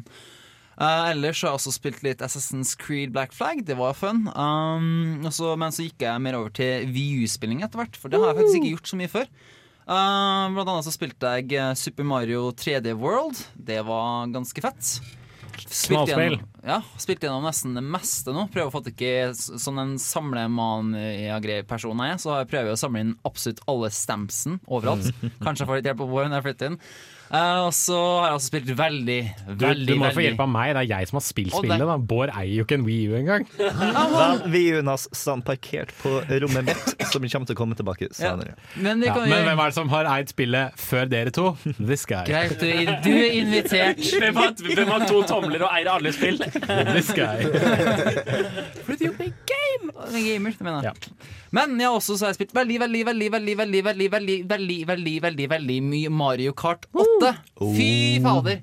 Doctor! Det, det ah, med så gøy, faktisk. På flerspillere har jeg ikke hatt det på lenge, altså. Det er nok for min del et av de beste flerspillerspillene jeg har spilt Ja. i år. Men altså, nå spiller jo ikke jeg så veldig mye flerspillerspill, så liksom sammenligningen er veldig liten. Altså, men en ting som er litt trist for, det er jo battle-moden. Og jeg Ja. vet jo hva faen de tegner på med den, men resten syns jeg er faktisk ganske balansert. Jeg føler Ja. at uh, kjøretøyene føles ikke særlig mer som leketøysbiler lenger heller. Og, Nei, det går faktisk litt strategi i når du skal ta og velge bilene dine. Fordi at du Ja. velger uh, kroppen, du velger hjula, og så velger du den lille fallskjermen. Men bortsett fra battle mode, så kom eh, Mario Kart 8 og var sånn uten tvil den beste Mario Karten der og da. Mm. Det, var så, det har alltid litt sånn diskusjon. Er det double dash? Er det Mario Kart 64? Er det Mario Kart 7? Mario Kart 8 kommer sånn Nei! Det er med. Sånn. Ferdig med diskusjon. Fordi at det er awesome, ser fantastisk ut, føles bra ut, gir veldig masse variasjon. Og det er én ting Nintendo er altfor dårlig på litt for ofte, så er det å gi det muligheten til å variere, til å customize. Og de ga slapp på veldig masse Minecraft 8. Der følte Mm. du at du kunne legge det masse mer opp til sånn du følte for at det skulle være. Problemet er da at for nye spillere så er det en veldig sånn høy barriere for å komme Ja. seg inn i spillet. Det er litt leit, egentlig. Tidligere kunne du bare velge en figur, og så ferdig, så var du klar. Nå er det sånn du må velge figuren din, og du må velge hvilket chassis du skal ha, du må velge hjulene du skal ha, du skal velge den derre paraplyen eh, når du skal fly gjennom lufta, alt jeg på å si. Og alt det har noe å si for hvordan bilen din kjører, så med mindre du er sånn her gærning sånn som oss, som tenker på sånt, eh, så kan du få en litt sånn småkjip opplevelse sånn, til å begynne med. i hvert fall. Med mindre man har noen til å liksom, si at ja, du kan kanskje burde velge sånn, sånn, sånn. sånn, sånn. Siden det er radio, så kan jo ikke folk som hører på se det. Men jeg tror jeg har et eget ansiktsuttrykk jeg får når dere begynner å snakke om Nintendo. Sånn, ja, ja. Nå er jeg ute av diskusjonen. Screensaver heter det. Sånn, Da kan jeg bare gå i dvalemodus eh, og komme tilbake gjennom Vi har stått og synsa litt liksom, hva vi skulle gjøre med videosatsinga til Kontroll, og en av første ideene vi hadde, var at vi skal sette Andreas foran Zelda-spill vi mener, mener han burde spille først. Og se hvordan han reagerer på det, siden han aldri har spilt det, for faen. Ja, men det må da være lov, det. Noen Ja. har da vokst opp med PC. Jeg spilte, spilte, Sierra- jeg spilte Sierra-eventyrspill ja, da jeg var yngre, på PC. Og det der uendelige Hva heter den norske det Uendelige reisen. Ja. Det kom ut i sånn 2000. Så det, Ja. Han, han er jo født i 96 eller noe, Andreas. Nå er det? Men litt tilbake, men litt tilbake til Mario Kart 8. En annen ting jeg synes er ganske bra med det, er at jeg synes faktisk det er den mer vanskelige Mario Kart-turene som kommer ut. Jeg synes 150 CC, altså vanskeligste modusen Mm. på singleplayer, er dritvanskelig. Jeg sliter fortsatt med å få tre stjerner på alle cupene. Det synes jeg faktisk er ganske herlig, å få en skikkelig challenge. Og så, ja. Det eneste jeg synes er litt negativt, er at nå begynner de faen meg med med Mercedes-Benz DLC-ting. det, sånn- det er bare en sånn promoteringssak. Du kan si det, men det betyr faktisk DLC. Så eh, der kan du få den battle-moden. Du kan få flere baner. Du kan få Fordi at Nintendo har fått smaken av DLC, og eh, når Nintendo får en smak, så holder de på til en er lei. Ja, men jeg håper virkelig at vi får se flere baner til Mario Kart. For jeg, Ja. altså 32 baner er mye, men Mario Kart er et spill som går såpass fort at de banene får du spilt gjennom veldig ofte ganske raskt. Og da er det litt kjipt at du ikke har mer å velge mellom. Så forhåpentligvis så slipper de noen sånne nedlastbare ekstra cuper. Og det tror jeg hadde vært uh, veldig, veldig bra for, for oss og for dem. Og noe av det aller kuleste også, synes jeg, i hvert fall med spillet, er at du, de gamle banene som er oppussa i uh, holografikk Oh. They be pretty. Jepp. Men uh, etter hvert i sommerferien så får jeg ned til Oslo og til USA, og da måtte jeg gå, fra fantastisk 180P over til DS. For at uh, rett før jeg for til Nei, I Good Boy spilte blant annet ganske mye Metal Gear Solid Peace Walker. Oh yes! Vi er kanskje ikke helt ferdige ennå. Vi kom oss til Vi slo siste bossen. Ja, men så er Jo, jo, det Metal Gear. Vi må bygge Metal Gear vår. Men uansett, uansett, uansett selv, Men iallfall på den siste spillsessionen vi hadde, da, så spurte jeg bare Bård liksom, ok, hvor jeg skal fly liksom 28 timer til USA. Det kommer til å bli kjedelig. Har du en DS-spill? Og sier ja, ja, så skal ta det med neste gang jeg ser det. Og så kommer jeg neste gang, og så bare sånn det var sånn tårn, liksom. Så, så, så jeg, prøvde å spille en del av dem. Da har jeg jo ikke kommet i nærheten av halvparten av ennå. Men jeg, spilt, jeg har skreket veldig mye 'objection' i sommer. For at uh, jeg har spilt veldig mye Phoenix Wright. Jeg har spilt uh, Phoenix, det første spillet, Phoenix Wright uh, Ace Attorney. Og så har jeg akkurat runda Phoenix Wright Justice for All, toeren. Veldig digge spill. Jeg irriterer meg dog vanvittig over at noen ganger så eh, har jeg faktisk løst mysteriet, og jeg prøver å si til den forbanna dommeren at uh, Se her, se her, se her, men pga. at jeg ikke viser evidens på akkurat det tidspunktet, eller fordi at uh, jeg har ikke pressa først, så får jeg ikke lov til å gjøre det Du må følge spillets logikk framfor at du kan hoppe et par logiske slutninger Mm. framover. Det er leit. Det er noe jeg blir bedre på for hvert spill som går. Ja, for, for det plager meg så mye når, hun sier, når jeg sier 'objection', og så sier Phoenix Wright This evidence clearly contradicts that statement. Og så sier judgen no, it really doesn't. Og så får jeg minuspoeng, og så sier jeg jo! Jo, for faen! Men uansett, det Ah, Jeg prøver eh, Men det som virkelig får meg gående, er altså, er historiene og de mysteriene, og hvordan de har skikkelige sånne twists og turns. Det er veldig spennende og anbefaler virkelig alle å spille. Så jeg har spilt litt smått ellers, men ikke noe særlig nevneverdig enda, iallfall. Mm. Nei, jeg har faktisk eh, spilt mine håndholdte spill, jeg òg. Jeg eh, fikk lånt eh, Professor Laton versus Ace Attorney Oh. av uh, Jens Erik. Yeah. Hvor eh, det spillet bruker uh, blanda Phoenix Wright-spiller, som eh, Kristoffer nettopp snakka om, og Professor Laton-spiller, som vi også lånte til en. Uh, som begge to er veldig puslete. Eh, Phoenix Wright handler om å undersøke og bevise og bruke logikk på den måten, mens Professor Laton handler om eh, hjernetrim og gåter og den slags typen. Eh, historien er at begge to havner i noe som virker som middelalderen eller noe støff, og eh, hekseting skjer, og du er nødt til å bevise at eh, folk egentlig ikke er hekser, og ting blir komplisert og rart, men historien fungerte masse bedre enn jeg forventa egentlig. For når jeg hørte om spillet, så var det folk flest sa, er det er akkurat det vi forventa av at du blanda Phoenix Wright og Professor Layton. Mm. Det er nøyaktig det. Og det ble faktisk litt mer enn det jeg forventa. Fordi at uh, så å si hver eneste Ace Attorney-spill som kommer ut, har en uh, ny gimmick på hvordan du løser ting. Og Professor Layton versus Ace Attorney har den kuleste gimmicken, i min mening. Sånn de fungerer, så eh, klarer ikke folk å stå alene på vitnestolen under rettssaken. så du har to-tre stykk av en gang så var jeg oppe i sånn et dusin eller noe Jeg sånt. tror det er, nei, de, ja, noe sånt nå. De har to-tre stykker der fra før av, og så kaller de inn et sånt uh, vaktlag på ti stykk. Og så må du bare gå gjennom alle sammen. Og eh, da tar du og sammenligner forskjellige statementer de gjør. Så da er det ikke bare det du har i lomma som er eh, bevismateriale, men også hva det andre er. Bare sånn wow, wow, wow, du sa at dette skjedde da og da, men det hører ikke til meg, Mm. det som ble sagt tidligere. Og så kan du også ta og se på hvordan folk reagerer. Bare sånn Vel, han her sa noe som han mente var veldig innlysende, men du så ut til ikke være helt enig i det. Hvorfor det?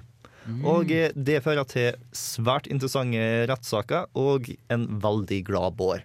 Eh, Slutten på historien var litt sånn eh, så som så. Det var Ja, sånn det, er- oh, det var vanskelig for meg å svare, Ja. altså.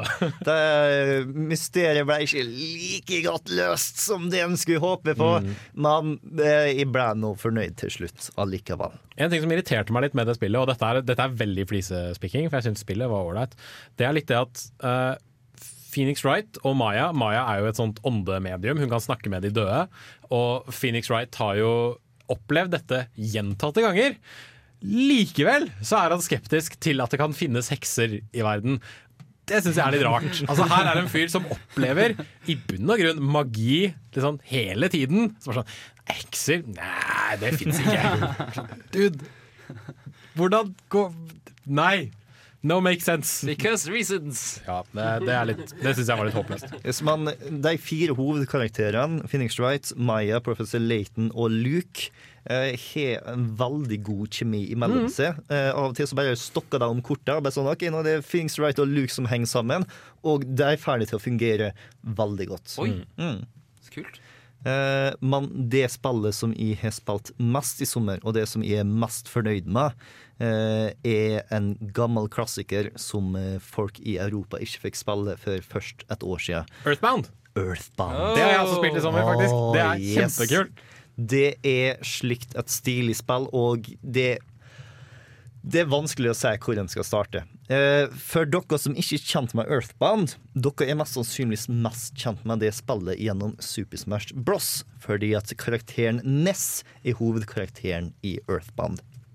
Og eh, det er et japansk RPG som eh, Når jeg spilte det, på den ene sida så følte jeg at Persona-serien lånte veldig masse ifra den serien. Og på den andre sida var det sånn Wow, det var en smart idé. Hvorfor har ikke folk lånt derifra? I stedet for å føle at eh, alle sammen har stjålet fra der, så er det for få folk som har stjålet, og det ender opp med å føles friskt allikevel. Det er litt det, tror jeg, at eh, Earthbound var strengt tatt ikke en stor suksess da det kom ut. Mm. Uh, verken kritisk eller salgsmessig. Det er derfor det har blitt en sånn eh, stor kulthit som det har eh, blitt i de siste par årene. Eh, og, eh, men jeg, jeg liker sammenligningen du har med Persona, bortsett fra at Persona er veldig, Persona er veldig japansk. Mm. Mens eh, Earthbound prøver å være veldig amerikansk, men sett Ja. gjennom japanske øyne. Yes. Det er et eh, Ja, det, det er satt i Eagle Land, Ja. som er som Japan forestiller seg Amerika. Men uh, dere har begge spilt Earthband. Mm. Kan jeg si noe? Hva var det, tror det var det som gjorde at det ikke var en suksess når det kom? Men at det nå har fått en litt sånn Altså både en kultstatus og en litt sånn gjenfødelse. Vel, greia, Jeg så litt tilbake på de forrige anmeldelsene, og der så klager de om at grafikken ikke var så god altså, som det er nå. Grafikken er awesome. Hvis du ser på det nå, så er det sånn Dette er et Super Nintendo-spill som er gjort med fullhjerta sprites og alt mulig rart.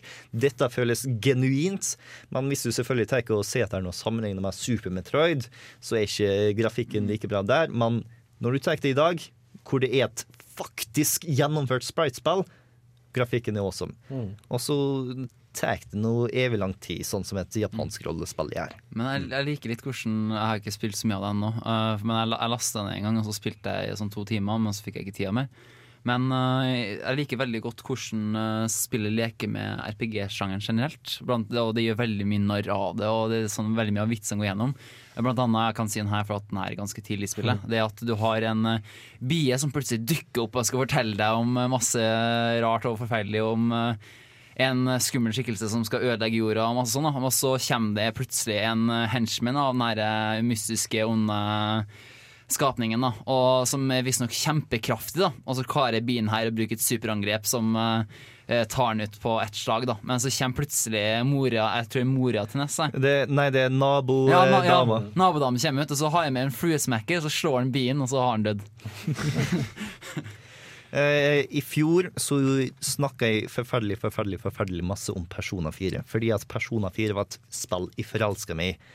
Dersom du er en av de personene som bestemte seg for å spille Persona 4 pga. det, spill Earthbound.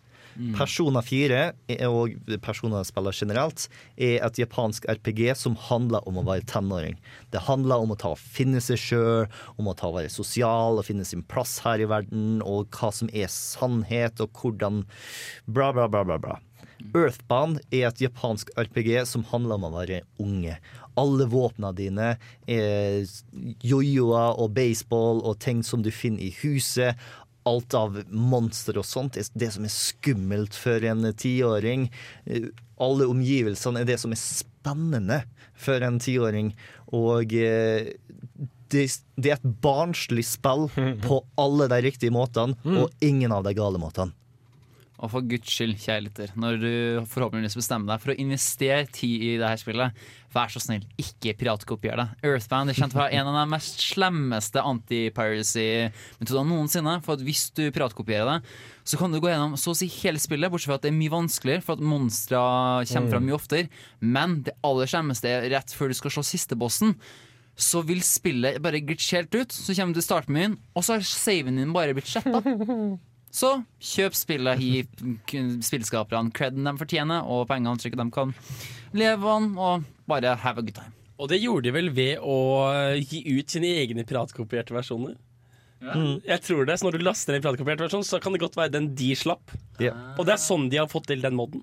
Ja, Man er på VU, og der så har du muligheten til å lagre hvor du vil, i stedet for å ringe til pappa og si hei, kan vi ikke bare lagre litt? Men eh, et annet spill som jeg føler jeg tok og ble veldig inspirert av Earthman, er Pokémon. Fordi at når du går rundt og snakker med folk, så føles det veldig masse som eh, Pokémon. Spesielt på Mm. den typen hvor all informasjon er relevant til spillet.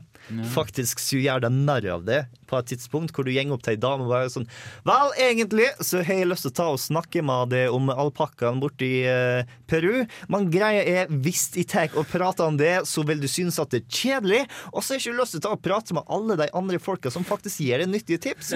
Så i stedet så skal jeg bare ta og holde kjeft. Digger det, altså. Er det noen som har noen flere spill som de har lyst til å få ut på hjertet før vi avslutter denne delen av eh, Jeg nevnte Counter-Strike Source. Du nevnte Ja, okay. Counter-Strike Source. Litt uh, Dust 2 her nå. Jo, men, ja, men Det er plutselig morsomt, Fordi verken jeg eller Chris hadde spilt Portal 2. Eh, Co-op mode. Så som en del av, av Chris sin Half-Life-opplevelse her, så begynte vi å spille gjennom Portal 2, og det er så gøy! Det er et kjempebra spill. I co-op. Du får skikkelig Du får like mye følelse av forløselse Altså, det- vi- som du gjør av frustrasjon når du ikke klarer de levelene. Altså Vi var liksom sent på kvelden, sitte og spille Det her hadde noen baner som er sånn helt piss umulig. Og så sitter vi her og bare ah, fader, fader. Og så kommer vi liksom på den ene ideen, da som fører til den andre gode ideen. Så fører til den andre gode ideen Så kommer vi frem i mål, og vi bare ja! Midt på natta i kollektiv. Og, Og det er etter da å ha prøvd en halvtime å hoppe opp av hverandre eller å sprette av en vegg eller bare dø på den samme måten syv ganger. Fordi det går an å hoppe dit! Jeg, det går an! Og faktisk, så det er liksom den eneste gangen vi blir så glad at vi faktisk bruker den forbanna in game gesturesen. Vi gir hverandre en robotisk karakter. Jeg, eh, sorry, men jeg kom bare til å tenke på hva de andre i kollektivet må tenke når liksom to gutter på gutterommet, så plutselig er sånn Ja! ja! Endelig utløsning! Det er egentlig hakket verre enn det, fordi vi sitter på Skype, eh, og Chris er hjemme hos seg selv hos besteforeldrene sine, og jeg og du har fortsatt samme greia. Ja! Du sa vi hadde en annen del, Bård. Ja. Hadde Har du lyst til å si noe først, Jens Erik? Ja, jeg har spilt veldig mye Binding of Isaac. Det burde du spille, det er kjempekult. Uh, gi det tid til å liksom klikke på plass. Det er veldig veldig kult uh, som spillet. Uh, drit i at det er tårer og bæsj og, og alt mulig sånne merkelige ting som skjer. Spill Binding of Ja, Isaac. det er en rogelike som er veldig Newgrounds. Ja, den starta vel på Newgrounds, sånn på et visst uh, måte. I hvert fall han uh, Macmillan gjorde det. Det ser ut som den er lagd i Flash, og det er det også til en viss grad gjort. eh, men spill Binding of Isaac. Det er gøy. Det, hvis du har en PC, spill Binding of Isaac. Eh, vi kommer til å komme tilbake og preike litt av de beste spillene som kommer nå i høsten, men først skal vi ta og høre litt Ain't That Funny fra Mad World. Ain't That Funny fra Mad World, som kom ut på Nintendo Wii tilbake i tiden. Blodig og svart og hvitt. 7-8, tror jeg det er. Ja, det høres riktig ut. Kan anbefales. Jeg syns det var kult. Mm. Utviklet av Platinum Games, som er mine store helter innenfor spillutvikling. Slår aldri hardt gjennom, men alltids eh, gode spill. Bajonetta Bayonetta slo ganske hardt gjennom. Ikke hardt nok igjennom til å ikke klare å legge ut Bajonetta Bayonetta 2 uten Nintendo. Det tjente en million. Var det noen som likte det spillet? Her i rommet? Bayonetta? Ja. Jeg? Jeg, jeg prøvde prøvde det, og jeg fikk liksom ikke helt. Problemet mitt Lærte du deg kontrollene, eller bare spamma du? Jeg lærte kontrollene. Ja, det gjorde ikke. Og eh, for, å, for å sitere gutta i Mythbusters, there's your problem. Yes. Og eh, liksom når du kommer på slutten av et nivå, og så bare sånn Vel, her får du en steinstatue av en kar som detter på ræva. Vær så god, neste la- level. OK. ok jeg beklager at dette høres Dette kommer til å høres veldig pretensiøst ut, men la meg fortelle, Nei, si la, la meg fortelle dere hvordan et Platinum Game- Game-spill skal spilles. Først så spiller du gjennom hele spillet og blir totalydmyket fordi du spillet basically gir deg fingeren hele tiden og sier at du suger. Og så går du tilbake, spammer det første nivået om igjen om igjen, om igjen, om igjen, om igjen til du blir skikkelig flink og skjønner at å ja, det er sånn jeg skal gjøre ting. Og så går du gjennom spillet på nytt igjen. Oi. Jeg tror ikke jeg har tiden Sånn til det, sånn var det med Bayonetta. Sånn var det med Bayonetta, sånn var det med Metal Gear Rising. Sånn har det vært med de fleste spillene deres. Du må, de krever tid, og du må, liksom, du må lære dem ordentlig. Ja, kommer du til å gjøre det samme med Bayonetta 2, som kommer ut i høst? Hell yes! Men det er fordi jeg kan jo kontrollene litt. Grann, da. Eh, men ja, selvfølgelig. Jeg gleder meg som en unge til Bayonetta 2. uh, fordi det er gøy at eh, de får lov til å fortsette med, med, med den spillserien. Og de liksom, store, crazy, gærne tingene som skjer der. Mm. Og de har også gjort noe veldig smart, smart i det at eh, med Bayonetta 2 så får du med Bayonetta 1 til Wii U. Så hvis du ikke har spilt det første spillet, og du kjøper oppfølgeren til Wii U, så får du med det første spillet. Og det er veldig, veldig lurt. Med Nintendo costumes. Med Nintendo ja, costumes. Ja. Eh, Et annet spill som er ekstremt overdrevent og på VU, som jeg gleder meg veldig masse til, er Hyrule Warriors. Ja. Eh, Dynasty Warriors eh, med The Legend of Zelda, som Når det først ble annonsert, var sånn eh, Har vi egentlig lyst til å spille det? Og så kommer det ut med så sjukt mange forskjellige karakterer som er sånn Wow! Jeg kan spille som han, jeg kan spille som hun. Kan, wow! Og da ble det plutselig masse stiligere, og nå har jeg sjukt lyst å spille det spillet. Mm. eh, skal ha ganske mye kred for å ha med så mange kvinnelige karakterer, Mm. som, på en måte, og som aktive, kraftfulle protagonister. Mm. Det er veldig bra. Og ikke noe sånn der «Åh, animasjoner er vanskelig tøys. For det bullshit. Oh, Ubisoft. Assassin's Creed Unity. Altså For de av oss som ikke har fått med seg det, hva var det igjen? Altså, når uh, Assassin's Creed Unity, det nye Assassin's Creed-spillet, satt inn franske revolusjonen uh, kjapt sin trailer, så var det bare Så var det pølsefest. Det er bare liksom duder som går rundt og er kule. Og så sier noen sånn uh, er, er det ingen da damer der som man kan spille som? Eh, og liksom Spesielt den franske revolusjonen, hvor kvinnelige kjemper hadde eh, stor rolle. Har du en Ja, det som også er veldig viktig få med seg At det som er ekstra spesielt, er at det er coop i spillet her. Og du Mm. har derfor muligheten til å velge mange forskjellige figurer, Ja, ja. og alle er Mm. tilfeldigvis menn. Ja.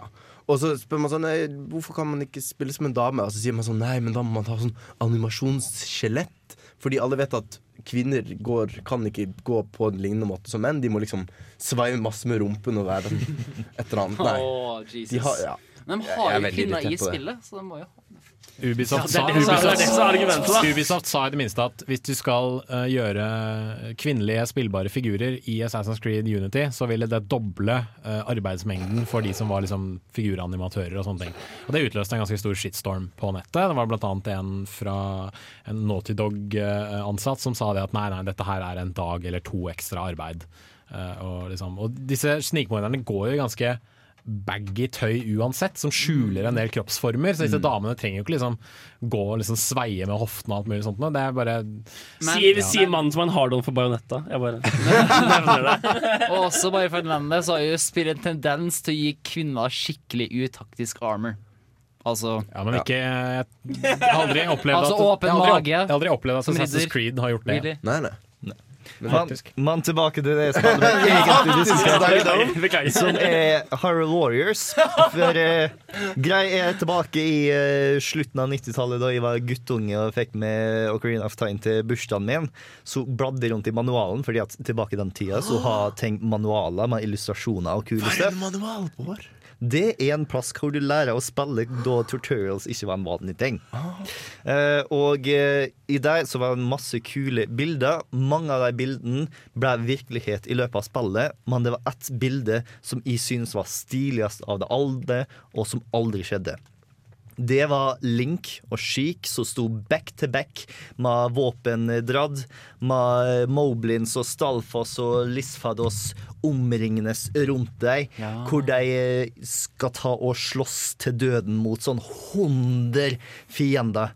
Og eh, nå har de endelig annonsert eh, både Coop og Sheik som spillbar karakter i spillet. Så endelig, ti år pluss etter at det spillet har kommet ut, etter at Ocarina of Time kom ut, så skal jeg få fullføre den fantasien. Som betyr at egentlig så har det spillet her vært i utvikling i ti pluss år. Jepp. Og eh, dersom du har lyst til å se det bildet som jeg snakka om, så ligger det ute på artikkelen på dusken.no, og er på Instagram under navnet Hva for noe var det igjen? Nerdeprat! Nerdeprat. Nerdeprat, Nerdeprat. Nerdeprat. Kjempeenkelt. Kan vi ikke lære oss det sånn har harmoniske sånne, sånn toner? Veldig lite vanskelig å gjennomføre. Dette må jobbes med. Men jeg tror jeg snakka ferdig Hyrule Warriors, med mindre noen som har lyst til å snakke om hvordan Dorinia ser ut, awesome ut til å spille som. Coop vil bli fun. kjempekul ut. Jeg er spent på noen av de nye Eller hun ene nye personen. For det er jo en sånn total yeah. ukjent person fra Original character. Ja, som, som Tekmo eller Koei Koei Tekmo er det vel som står bak spillet. Jeg tror det. Ja. Som de bare har funnet på. Og jeg er litt spent på hvem denne personen er, og hvordan de forklarer at denne personen plutselig har dukket opp i, eh, i eh, Zelda-universet. Og hva det vil si, og om denne personen er noe som kan dukke opp senere. Eller ikke. Det kan bli spennende. Mm. Jeg gleder meg i hvert fall til det spillet. Eh, er det noen andre som het spill de ikke kan vente med å få klørne sine i? Oi, oi, oi, oi. Siden den ikke var sluppet i sommer. Madden 5. Nei. Du, Bård, skulle spille blant annet, men du fikk ikke spilt det for at det kom Du, ikke ut. du tenker på Super Smash Brothers eh, til 3DS-en? Yep. Som kommer i oktober. Som kommer i oktober. Oh, yeah. Jeg har så masse mer lyst til å spille hvis det kommer ut før sommeren. Sant. Fordi at eh, det Nintendo i planen nå, er at uh, Super Smash Brothers for VU Det er fremdeles de samme titlene. Det er så kjedelige titler. Uansett. At, de, at det spillet kommer ut før jul. Så Ja. det betyr at uh, jeg får sånn en og en halv måned eller noe sånt dedikert til 3DS-en, og så kommer VU-en ut, og så har jeg kun lyst til å spille på VU-en med alle vennene mine på storskjerm og bla, bla, bla. Og hadde det kommet om sommeren, folk var spredd for vinden, vi kunne tatt og spilt opp mot hverandre. Awesome. Halvt år imellom. Hvis det er utsatt uh, VU-versjon, eh, jeg kan begynne å vurdere det. Da er det noe som kan virkelig stilne eh, den eh, sulten. Men ett og et halvt måned Mm. Altså, 3DS-versjonen ser kul ut. No question. Men den er ikke like kul som VU-versjonen. True. Og ikke 1080p. Mann, VU-versjonen kommer ut i år! Apropos ser bra ut. begge. Jeg skal ha begge. Apropos ser veldig bra ut. Det er jo, eh, jeg er jo holdt på å si veldig glad i bilspill. Uh, og har jo på en måte da vokst opp med liksom John Trismo 2 og 3, altså Aspek og 4, og så kom Forsa-spillene og bare grep meg. Så fem har, jeg- så har, fem har nesten ikke rørt meg. Uh, hei. Uh, og uh, det som da skjer, er at uh, Forza 4 kom ut, og jeg spilte veldig, veldig, veldig, veldig, veldig, veldig, veldig, veldig, veldig, veldig mye. Eh, sånn topp 200 på Nordschleife-type internasjonal i hele verden-type ting. Eh, litt for mye. Um, og så kom Forza 5 ut, og det var litt bæsj. Og fordi de rusha litt development til, uh, til X-Bone, og det var litt sånn crap, egentlig. Det var liksom ikke noe nytt. Det var liksom ikke noe mye bedre Det var bare nye, nye biler og litt få baner. Det var litt bæsj. Ja, nei, det var nei, Uff meg. Og så Forza Horizon var også litt sånn eh, Det var litt for arcade, det var ikke Ja. helt like bra physics. Og det var litt, litt for liten verden, og litt for ensformig og litt for kjedelig. Men håpet er fortsatt der! Fordi Forza Horizon 2 kommer da i høst. Eh, datoen nøyaktig for det eh, ligger vel antageligvis eh, her et eller annet sted. Um, type 7. oktober, var det det det var? Sånn som alt annet i verden. Ja, det er kanskje bare derfor det, derfor det er derfor jeg tror det. Fordi det var dere, dere som syntes eh, 30. september! Så det er right around the corner, bokstavelig talt, og i punny-format. Eh, det er forhåpentligvis dritbra. Uh, jeg håper Force Horizon 2 er en av de spillene jeg virkelig kommer til å kjøpe til Xbox. Et annet interessant spill, eh, og da er vi tilbake litt på det her med hvordan måte de store pengene i bilspillutvikling går til litt mer arkadeaktige, veldig vakre spill. Eksempel utviklerne av eh, de tidligere VRC-spillene og Motorstorm-spillene. Uh, VRC-spillene har jo vært ganske gode physics simulators. Uh, og har laget veldig bra kjørespill, blant annet noen av de bedre rallyspillene som er laget. De, har gitt, de kommer til å gi ut et nytt spill som heter Drive Club. Med annet ti norske baner. Mm. Uh, jeg skal ikke gå så veldig mye inn på hva Drive Club er for noe. Det er et, eh, et, et bilspill der du kan kjøre på mye fribaner samtidig som eh, man kan spille med venner. Og det er, man kan spille med klubb og sånn. Og det ser helt vanvittig ut. Det ser helt sykt ut. Og de har gjort så mye for å få det til å være en realistisk opplevelse og en simulasjon av hvordan bilene ser ut og høres ut, med elleve kameraer på bilene. Og de har hatt kamera i tomrommene, og de har kjørt bilen i virkeligheten og tatt helt av, da. Uh, og da tenker jeg liksom sånn, ja, men Kommer det til å være like bra kjølelsesfølelse som Richard Burns Rally fra 2002? Det er det vi alle tenker. Nei. Det kommer det ikke til å ha. Så det er litt sånn Ja, nei, det kommer sikkert til å se fantastisk ut, men, men jeg har lyst til å kjøre bil, ikke, ikke se på bilder av biler. Men da kommer det til å være ålreit. Men uh, hvis ikke Drive Club er uh, i din smak, så kan du jo teste ut The Crew i stedet for. Ja, jeg tittet litt på det. Det så veldig Need for Speed-aktig ut, gjør det ikke det? Jo.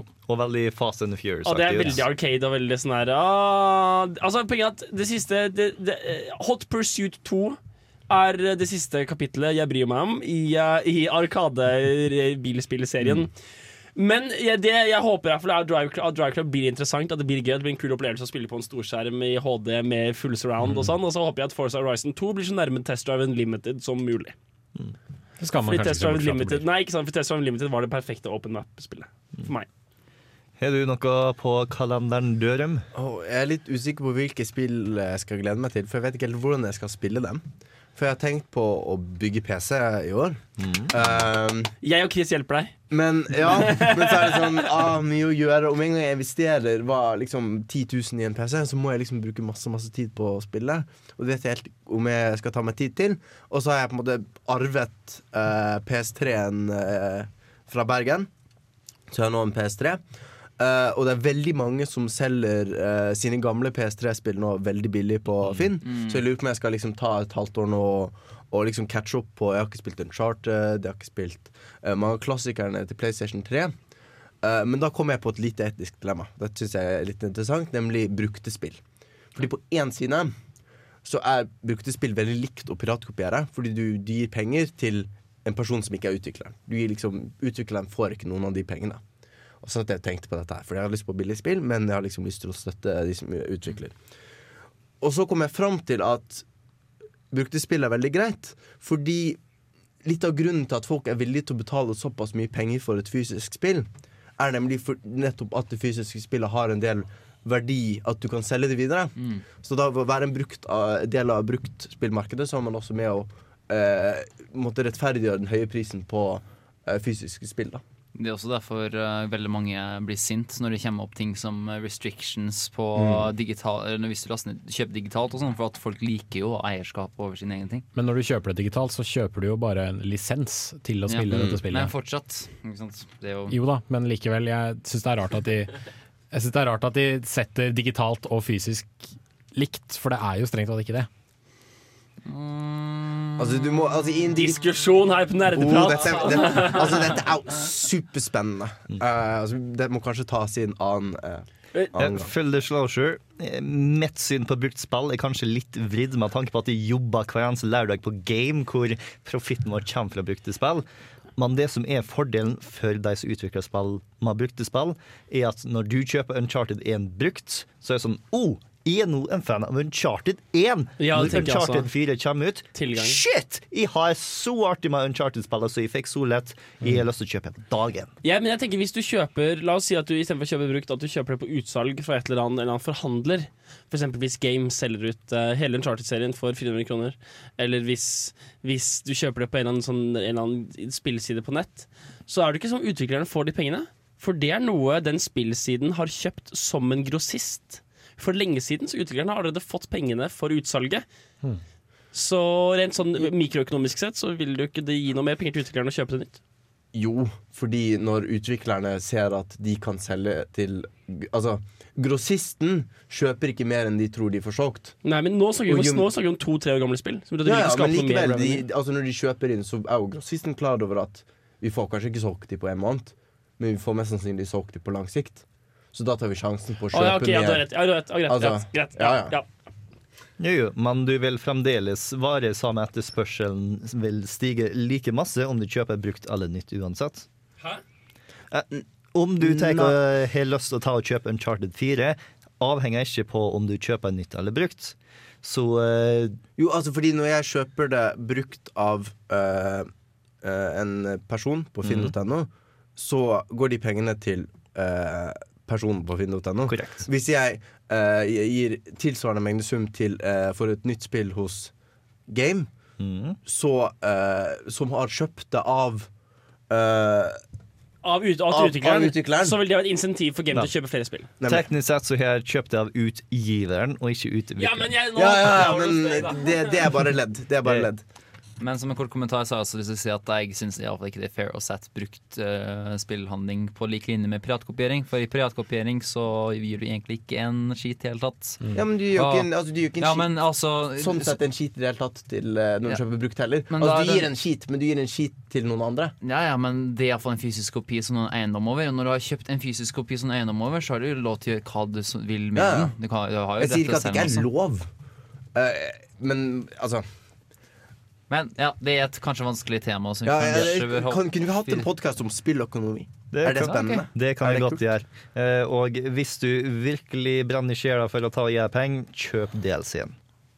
Det kan man gjøre. Mm. Det var ikke dumt. Det var ikke dumt. Eh, Jeg sa det ikke bare med en gang. Faen, har vi stått der i ti minutter. Man, fordi at det er en sånn fin punktum, og så tar jeg og er vrikker litt sånn på fingrene mine, og så tar jeg Jens Erik og skrur litt på knappene, og så kommer det sånn deilig musikk bak oss, bortsett fra at Jens Erik ikke følger meg i hele tatt, og bare stirrer meg i øynene. Når jeg egentlig har lyst til å høre litt på oh, ja, ja, men- Fran Karenas. Ja, men du må liksom bare, du må bare fortsette å gjøre sånn, Yeah. og så før eller siden så ser jeg det. Dritlenge inntil det tar to minutter. Noen, noen, noen tilfeller så bare Ja. Industrial Hysteria er en Fair Factor remix fra Donkey Kong Country.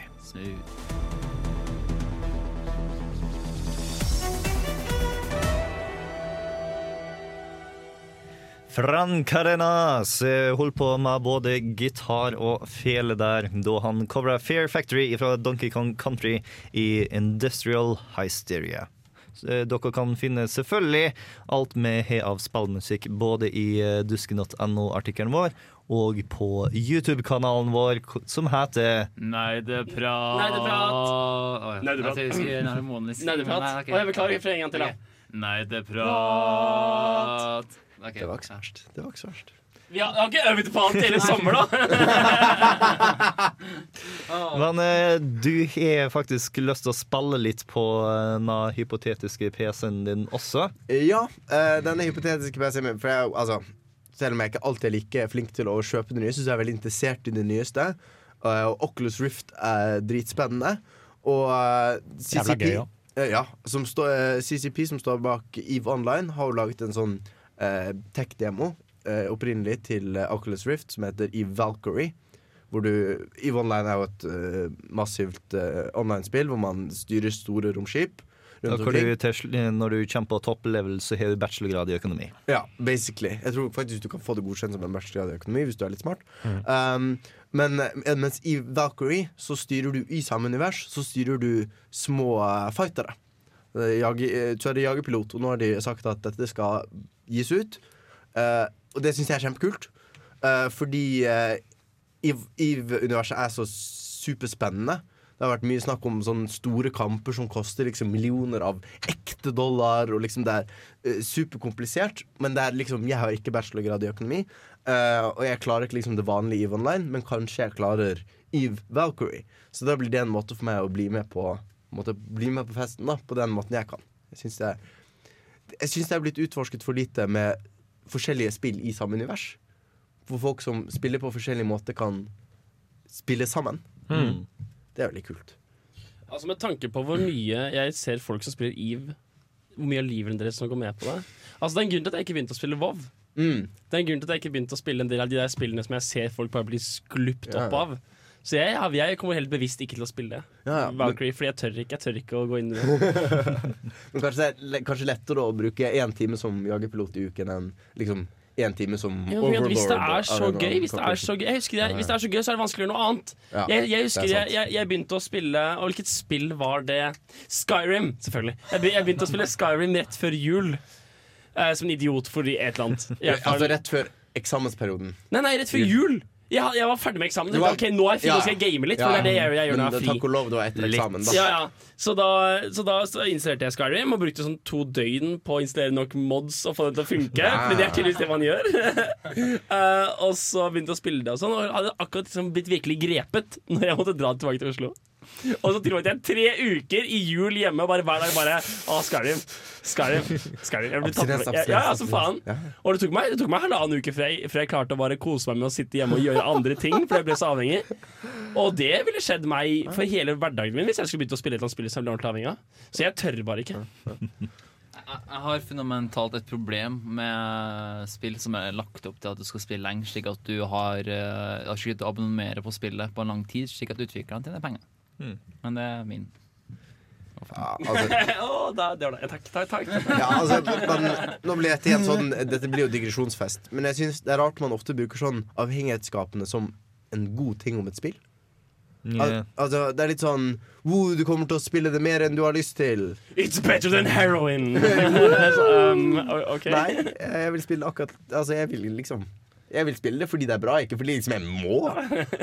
Det er ikke bare avhengighetsskapende, men altså det at du kan bruke kjempemasse tid i det. Mm. Det er liksom eh, Et av de spillene jeg ser mest fram til i høst, er Dragon Age Inquisition. Og et av salgspunktene der er Ja, vi så på Skyrim, og Skyrim har skikkelig open world, så nå har vi en gigantisk open world, så dere kan utforske sånn. Nei! Vi som på Skyrim og tenkte ja, det, det er litt lite her, ikke det? Det er litt lite her. Jeg har ikke lyst til å bruke sånn 80 timer. Jeg har ikke lyst til å ta og reise gjennom Vestfold og Østfold og Telemark. Jeg har lyst til å ha en god historie med morsomme karakterer, og vel, heldigvis så ser det ut som at det skal være det i Dragon Age Inquisition også. Jeg har prøvd å unngå uh, rimelig masse av eh, eh, nyheter ifra det, bare så at jeg kan ha en eh, så spennende opplevelse som mulig da jeg først plukker det opp. Fordi at jeg, liker å bli kjent med party members gjennom spillet i stedet for gjennom eh, promotional eh, stuff. Men det er en kar som jeg gleder meg veldig masse til å stifte bekjentskap med. Fordi at eh, jeg hørte på et panel fra GDC, hvor BioWare snakker om en av de tingene BioWare er best på, som er romantic interest. Og eh, der så eh, gikk det veldig hardt fram at i Dragon Age Inquisition så skal alle sammen nå ha et valg. Uansett hva rase du er, uansett hva kjønn du er, og uansett eh, hva slags legning du har, så kan du velge mellom minst to personer. Og eh, En av de personene som er ganske valgbar, er en svær Quarian. Quarian er de største, nesten sånn halvtrollfolka med horn. Eh, som Han er stor for å være Quarian, som heter The Iron Bull. Og eh, han har stemmen til Freddy Prince jr., som eh, tidligere også var med i et annet Bioware-spill, nemlig Mass Effect 3, hvor han var Vegas. Eh, Vega. Vega, ja. Og, eh, Han var flink. Han er flink. Han, han er en av de typene hvor du ser på han, og han Nei, nei, nei, han liker fotball og sånt, men nei, er verdens største nerder. og eh, The Iron Bull er svær. Og eh, når de skulle ta og prøve å få folk til å romanse han, så eh, måtte han helle med animasjoner i eh, sluttscenen for romance-biten. Og det ble ganske avansert, fordi at han er en svært spesifikk eh, modell. Så i starten så sa jeg vel, vi tror ikke at vi kommer til å få gjort det med alle sammen. Så da sa vi bare at f.eks. dverger kan ikke ha romanse han, fordi at han har ikke lyst til å ha sex med deg, fordi at han er altfor hard før. Men eh, så var det en kar i Bioware som jobba natt og dag, så nå kan absolutt alle sammen ha sex med The Iron. Men Se for deg den segment. animatøren sånn Sånn, Kom, sånn Kan du ikke komme og, komme og legge deg? Kommer liksom Nei, jeg må animere dverg- og trollsex! Og det, det som fikk meg til å greie mest om spillet, er da jeg fortalte om da jeg kom til Freddy Prince Jr. Bare sånn, jeg fortalte han OK, eh, nå kommer jeg til å spille inn et par scener som involverer at du kommer til å ha sex med en mannlig alv. Og det han gjør, er da sånn Ja! Gnir seg i med sånn Yes! Dette skal bli artig å spille! I've been waiting for this for 10 years. All my dreams have come true. Vanligvis når jeg går inn i et eh, Bioware-spill, så er det ikke sånn at jeg tenker å, jeg skal romanse den mannlige karakteren. Men det, oh, det, det, blir vanskelig å si nei til The Iron Bull. Men får se om det er Ja, men det blir faktisk vanskelig, yeah. med tanke på hvor stor han er. Vel. Det tenker jeg. Hvor kjapp er han? Så kanskje det går, jeg går kanskje videre. Han er sjumilsstøvla, vet du. Oi. Ja, nei. Eh, med et så langt skritt Nei, nei la oss ikke La, oss, la, la, la, la det ligge. Oh boy. Ja, nei, Hva med det derre nye Alfa Centauri? Ja, du tenker på Civilization Beyond Earth? Eller Alfa Alpha, Sid Sid Meyers Alfa Centauri 2, som det også heter. Inni meg. Hvem, hvem har spilt Al Alfa Centauri skråstrek Kentauri når det kom ut? Det var jo gøy. Jeg spilte litt når det var lite. Det er veldig bra spill. Nei, kun spilt eh, Civilization 5, men eh, det jeg har sett av Civilization Beyond Earth, er sånn mer Civilization, my science fiction. Ja, ikke sant? Yeah. Og det er litt, sånn litt, litt Starcraft-faktor, og det, er- jeg, jeg, jeg, jeg, jeg tror det kan bli gøy. Mm. Potensielt sett. Altså Det som er gøy i Alpha Centauri sammenlignet med Civilization, og jeg antar det kommer til å være litt likt i Beyond Earth, Ja, sikkert. det antakelig. men at uh, Alpha Centauri har mer historie. Altså at eh, der uh, Man kommer jo til denne nye planeten med etablerte fraksjoner og etablerte karakterer mm. som på en måte har forhold helt fra begynnelsen av eh, spillet. Du har liksom en sånn kommunist-Kina-fraksjon og en mm. sånn FN-fraksjon, og de de liker ikke hverandre. De Naturlig liker, nok, De liker nok. aldri hverandre. Uansett hvor mange ganger du spiller Centauri, så kommer ikke liksom kommunist-Kina og eh, FN til å bli supergode venner. Eh, så det, så det, liksom, det føles mer som en historie da i Alpha Centauri. Kanskje sånn i Beyond Earth også. Hva med, hva med Far Cry 4? Jeg kan umulig være den eneste som digget Far Cry 3. Jeg digget Far Cry 3. Spilte du Jeg Blood hatet det. Gjør du det? Hvorfor det? Fuck det spillet. Hvorfor det? Det var håpløst. Hvorfor? Struktur, strukturelt var det fullstendig håpløst. Historiemessig var det fullstendig ja, håpløst. Det er helt enig. Hvis dere har lyst på flere detaljer, hør på sånn tre-fire tidligere kontroll. Langt inn på det. En dag må vi bare square opp den 3-debatten, altså. Mitt største problem bare var at den kuleste Jeg synes det var den kuleste antagonisten døde tidlig i spillet, og så fortsatte med en ny antagonist som jeg synes var, var Han var liksom meninga å være the big guy, han nye, men uh, han føltes mye mindre Hvem skummel. var utenfor igjen. egentlig antagonisten? Hva hvis du er antagonisten? Who was phone? hva, hva sa du? Hva? Who was phone? Eh, Jeg tar ikke referansen. Du er for lite på Reddit. Ja, du er for lite på nettet. Åh, åh, jeg skal ta og ringe dama mi og si at du er slemme mot meg. Men det er kanskje et annet Ubisoft-spill enkelte greier seg til. Assassin's Creed Unity. Yeah. Det, altså, det blir mer Assassin's Creed. Yeah. men Det er derfor det Assassin's Creed-spillet jeg kommer til å spille i år, gjeng under navnet Shadow of Mordor. Det er basically Assassin's Creed, bare satt i Ringenes herreverden, i Middle Earth, og har et veldig stilig system med fiendene dine. Mm. For sånn det fungerer, så eh, hvis du tar og slåss mot noen og skader deg hardt og ikke dreper deg helt, så vil de komme tilbake senere i spillet med en litt høyere rang og vil huske det og vil bære arret og vil ha personligheten sin endra av dette. Eh, så det viser konsekvensene dine hele tida. Eh, og så kan du ta og hamle opp med enkelte av dem. Kontrollere hjernen deres. Så da bestemmer du om de skal ta og spionere for deg, om de skal ta og eh, assassinate eh, sjefen sin, eller noe sånt som det. Og uh, selv om eh, denne personen som du tar Eller ork, fordi at det er alle sammen er orker du slåss imot. Sjøl om denne orken ikke klarer å hamle opp mot eh, sjefen sin, så kan du bare be han om å assassinate, og så står du bak i kulissene, og etter at eh, han feiler å ta og eh, stikke dolken i ryggen, så har du plutselig eh, mer enn nok eh, sjanse til å putte et velretta pil i trynet. Ja, fett da med, med sånne liksom spilldeler. Mm. Jeg, jeg liker eh, For å gå litt vekk fra gameplay Jeg liker veldig godt at man på en måte ikke har sagt spillet hvor du spiller Aragorn. Ja. Og det er det som er Det er det største problemet med, med filmspill. Mm. Det er ikke dette bare et filmspill, men et bok, bokspill.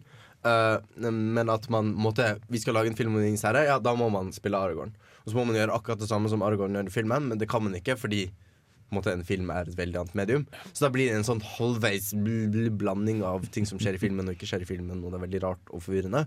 Uh, men isteden si OK, kult univers, uh, kule karakterer, men du spiller noen andre, og så kanskje du møter Kanskje du møter Aragorn, liksom. Jeg tror ikke du møter Aragorn i Shadows of Mordor. Eh, Den eneste karakteren som er kjent at du vil møte, er Gollum. Mm. Goll Gollum er jo med i alt, så det er jo For han er jo med i både Hobbiten og Ringens herre. Og, Mm. Men dette skjer jo før Hobbiten, hvis jeg ikke tar feil. Jeg tror det skjer sånn samtidig som Ringenes herre. Ja, noe sånt. Mellom. Ja, ja, han, eh, jeg regner vel med at Gollum på slutten av dette spillet blir fanga, så blir han torturert, og så Baggins! det var ikke så verst, faktisk. Spoiler alert. For de som ikke har lest Ringenes herre. Skal vi Liksom, spoile Ringenes få, herre? få, få, få fingeren ut er vel Det var en eh, gang. Eh, et, et viktig startpunkt. Husker noen, eh, husker noen siste linja i, i, i Lord of the Rings-serien? Siste strofen. Hva mener du? Siste linja, siste i boka. Siste, absolutt siste linja som står i boka. Det er lenge siden. I bøkene. Ah, eh, there was a hole in the hole, there lived a hobbit, eller noe av den typen. Å ja, jeg, jeg, jeg, jeg, jeg trodde det var Well I'm Back. Det kan også være. hva? Det Ja, kan også nei, være. litt. Har noen hørt om Bloodborne?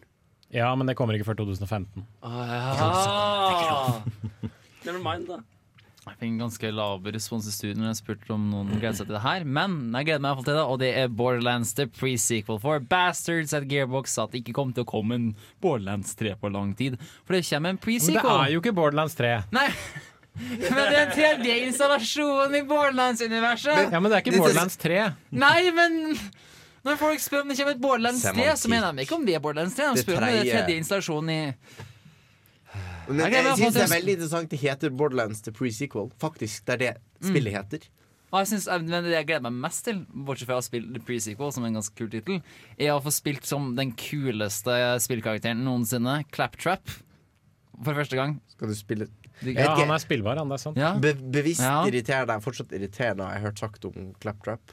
Han, I, i toeren var han morsom, syns jeg. I Han- Borderlands 2 så var han var morsom i toeren. Ja. Minion! well, jeg gleder meg faktisk litt til et Borderlands-spill i òg, men det er ikke The Pre-Sequel. Det er Tales of From Borderlands, Borderland. Ja, Eh, Telltale sin uh, Hvor du i stedet for å skyte, så preiker du. Oi! Yeah. Uh, og uh, grafikken ser dønn lik ut som i Borderlands, og jeg har spilte kun et par timer i Borderlands 2, og det var skyte, skyte, skyte. Hei sann, ny pistol, er den bedre enn den gamle? OK, da bytter vi skyt, skyt, skyt. Og eh, det er litt artigere med moralske kvaler å få all humoren servert på rekke og rad, i stedet for å skyte noen i trynet. Vi burde ta sånne snapshots av, av Chris sitt ansikt av og til. Du kan kanskje høre litt ansiktsuttrykket til Chris akkurat nå. Jeg vet ikke, En veldig stor del av Borderlands 1 og 2 Er det ble, er ble er brukt Chris blir sur når man disser det? Hmm? En veldig stor del av Borderlands 1 og 2 er å disse det foran Chris. det, det, det er en del av Det er liksom metagame. Ja. Men, eh, men en veldig stor del av Borderlands er brukt på å sammenligne grønne og røde trekanter. Ja! Opp og ned. Og sånn, ok, den To, to grønne, én rød fem, fem skudd mindre. Og til slutt så har hun brukt så masse tid at det har vært mer effektivt å bare beholde den dårligere. Ja, ja, ja. Fordi, ja. Og så hadde du fått en, får du en ny en sånn 15 minutter senere. Eh, så jeg vet ikke det, det er kult. Jeg liker veldig godt sånn sette sammen tilfeldige ting og generering og sånn, men det burde være mer tydelig når noe er bedre. Den, her, den her hashtag, hashtag, hashtag kultureliten forstår seg virkelig ikke på kunst. Du glemte en hashtag. Men eh, og jeg antar at vi ikke skal nevne The Division som kommer ut i 2015 heller? Nei. Dette er før høsten, sånn at folk kan ta og glede seg til dette semesteret her. Eh, Et annet spill som er verdt å glede seg i dette semesteret her, tar også sted ute i verdensrommet, hvor ingen kan høre det skrike. Er det Alien er det Isolation. Dead, Alien. Dead Space 7. Gjett hvem som har spilt det. Alien Isolation. Var det på Gamescom? Nei. Men du har vært på Gamescom? Ja, var det på Gamescom? Eh, Når var du på Gamescom, Jens Erik? I fjor. Ja, det var det. Alien Isolation spilte jeg på presseevent i London for et par måneder siden, faktisk, før sommeren. Og eh, jeg er litt skeptisk. Ja. Etter, den, Etter- etter det eh, forrige Alien-spillet, Jens hvordan kan Erik, du være det? skeptisk? Hæ? Nei, det var, et, det var et Aliens-spill ah. uh, som var basert på oppfølgeren til Alien. Men problemet jeg har litt med dette spillet, er at for at god skrekk skal fungere, så kan du ikke se monstre. Eh, Amnesia løste det på en veldig god måte ved at du blir gal av å kikke på monstrene, og det, det gjør at eh, spillet blir uh, mer slitsomt å spille. Men i Alien Isolation så har du ikke den uh, ulempen, så du kan se på monsteret så mye du bare vil, helt til det forsvinner igjen. Og når du ser på monsteret, jo mer du ser på monsteret, jo mindre skummelt blir det. Mm. Og i den biten av Alien Isolation jeg spilte, så var den der jævla xenomorfen veldig glad i rampelyset. Og det var litt leit. Og det er også dette, dette er kanskje litt sånn stygg, rar ting å si, men monsteret føles litt for mektig. Du kan ikke løpe fra det sånn på noe som helst vis, utover å liksom, kanskje forhåpentligvis prøve å gjemme deg under et bord eller inni et skap. eller noe sånt. Men hvis det ser deg liksom, i enda en gang, så tar det deg med en gang. Og når du da dør veldig veldig ofte i et skrekkspill, så blir det mindre skummelt. Mm. For døden er en pause. Døden er en måte for deg å liksom distansere deg fra spillet. Og uh, i og med at jeg daua så veldig mye, så bare, bare satt jeg der og var frustrert og klarte liksom ikke leve meg inn i, i det skumle. Så derfor er jeg litt skeptisk til Alien Isolation. Jo, men så spilte du også ikke på det mest optimale måten heller. Nei, for så vidt ikke, men altså, liksom, vi satt jo i liksom eh, mørke rom med Mm. liksom, i hvert fall litt sånn her avlukke og sånt. Så de prøvde å liksom gjøre det så optimalt som overhodet mulig. Men uh, ja, det kan jo være at det ikke var helt uh, 100% Så jeg, jeg kan jo alltids ta feil. Men Mm. eh, eh, ja, jeg må bedømme ut fra den lille kvarteret jeg spilte som Ja. en spilljournalisten jeg er. Så da Og så har de fremdeles tida til å rette opp på det. Absolutt. Mm. Og det er DLC som ser ganske sweet ut, hvor du tar og spiller scener ifra det Mm. originale Alien-spillet, inkludert et par scener som er sånn what if? Eh, la oss bare late som om det ikke var Ripley som gjorde denne biten. La oss late som om det var denne personen her i salen. Mm. Hvordan har det skjedd da? What If er kult, men jeg blir litt iffy når jeg hører om et spill og DLC-en til spillet samtidig for første gang. Mm. Da blir jeg litt sånn OK, ja. Det er dels, Day One DLC. Ja. Det er for at du skal ta forhåndsbestille det. Ja. Det er litt surt, jeg vet det. Jeg er skeptisk til det, fordi nå har alle begynt å gjøre det. Mm. det. Det er liksom greit når noen gjør det, så kan man på en måte sånn Nei, jeg vil ikke gjøre det. Men når alle gjør det, så blir man litt tungt inn i det. Irriterer meg litt. Apropos uh, spill i rommet. Jeg Jeg fant her eh, et spill som i, opprinnelig ble laget til Atari i 1993. Og så ble det lagt på is, og nå skal det komme høsten 2014.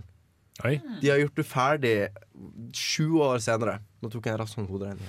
uh, uh, det syns jeg er veldig morsomt, hvis det faktisk uh, gjør det bra. For det er, liksom, det er ikke liksom fake retro, det er liksom faktisk retro. Det er liksom, Dette er spillet vi laget for 20 år siden. Nå kan du endelig se det. På hvilken natt er det? Uh, Amiga. Amiga, sorry. Det er lenge siden. Hva slags eh, spill kommer til å være, vet du? Eh, den det- den sideskrollende romskytespill. Veldig sånn eh, Ja, classic. da er den typen uh? Ja. ja 1993 eh, Å, hva heter det? Eh, 1993 Space Machine heter det. Vet du hva maskinen kommer ut på?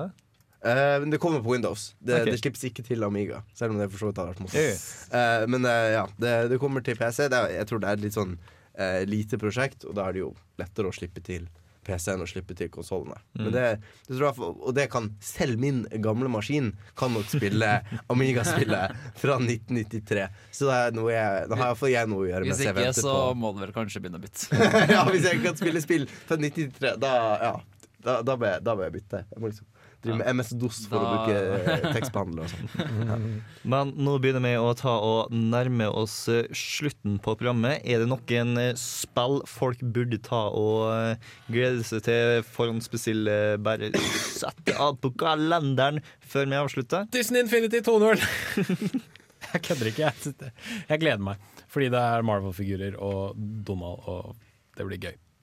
Ja, det er det jeg har å si. Jepp. Og med den perfekte avslutninga så uh, tar vi og setter over til den siste låten jeg har funnet for dagen, som har kanskje det merkeligste eh, artistnavnet. Bzz, som er B apostrof Z. Som er artisten bak Into the Free, som er en eh, kul liten poplåt som ble lagd for Dragons Dogma. Eh, jeg minner på at uh, nerdeprat er én ting. Twitter, Facebook, eh, Instagram, e-mail Google pluss. Google pluss, MySpace. YouTube. YouTube. Og eh, dersom jeg får 250 medlemmer på slutten av eh, september på Facebook, så kommer en av dere til å få et gratis Steam-spill fra inventoryet mitt. Og hvis dere tegner et bilde av hvordan Bård tror han ser ut, så kan man treffe en premie også. Det er også en mulighet. Er ikke det en premie i seg selv? Jo, det er jo det, men for oss Og vi legger det ut på Instagram på Nerdeprat. Men frem til neste gang, ha det bra.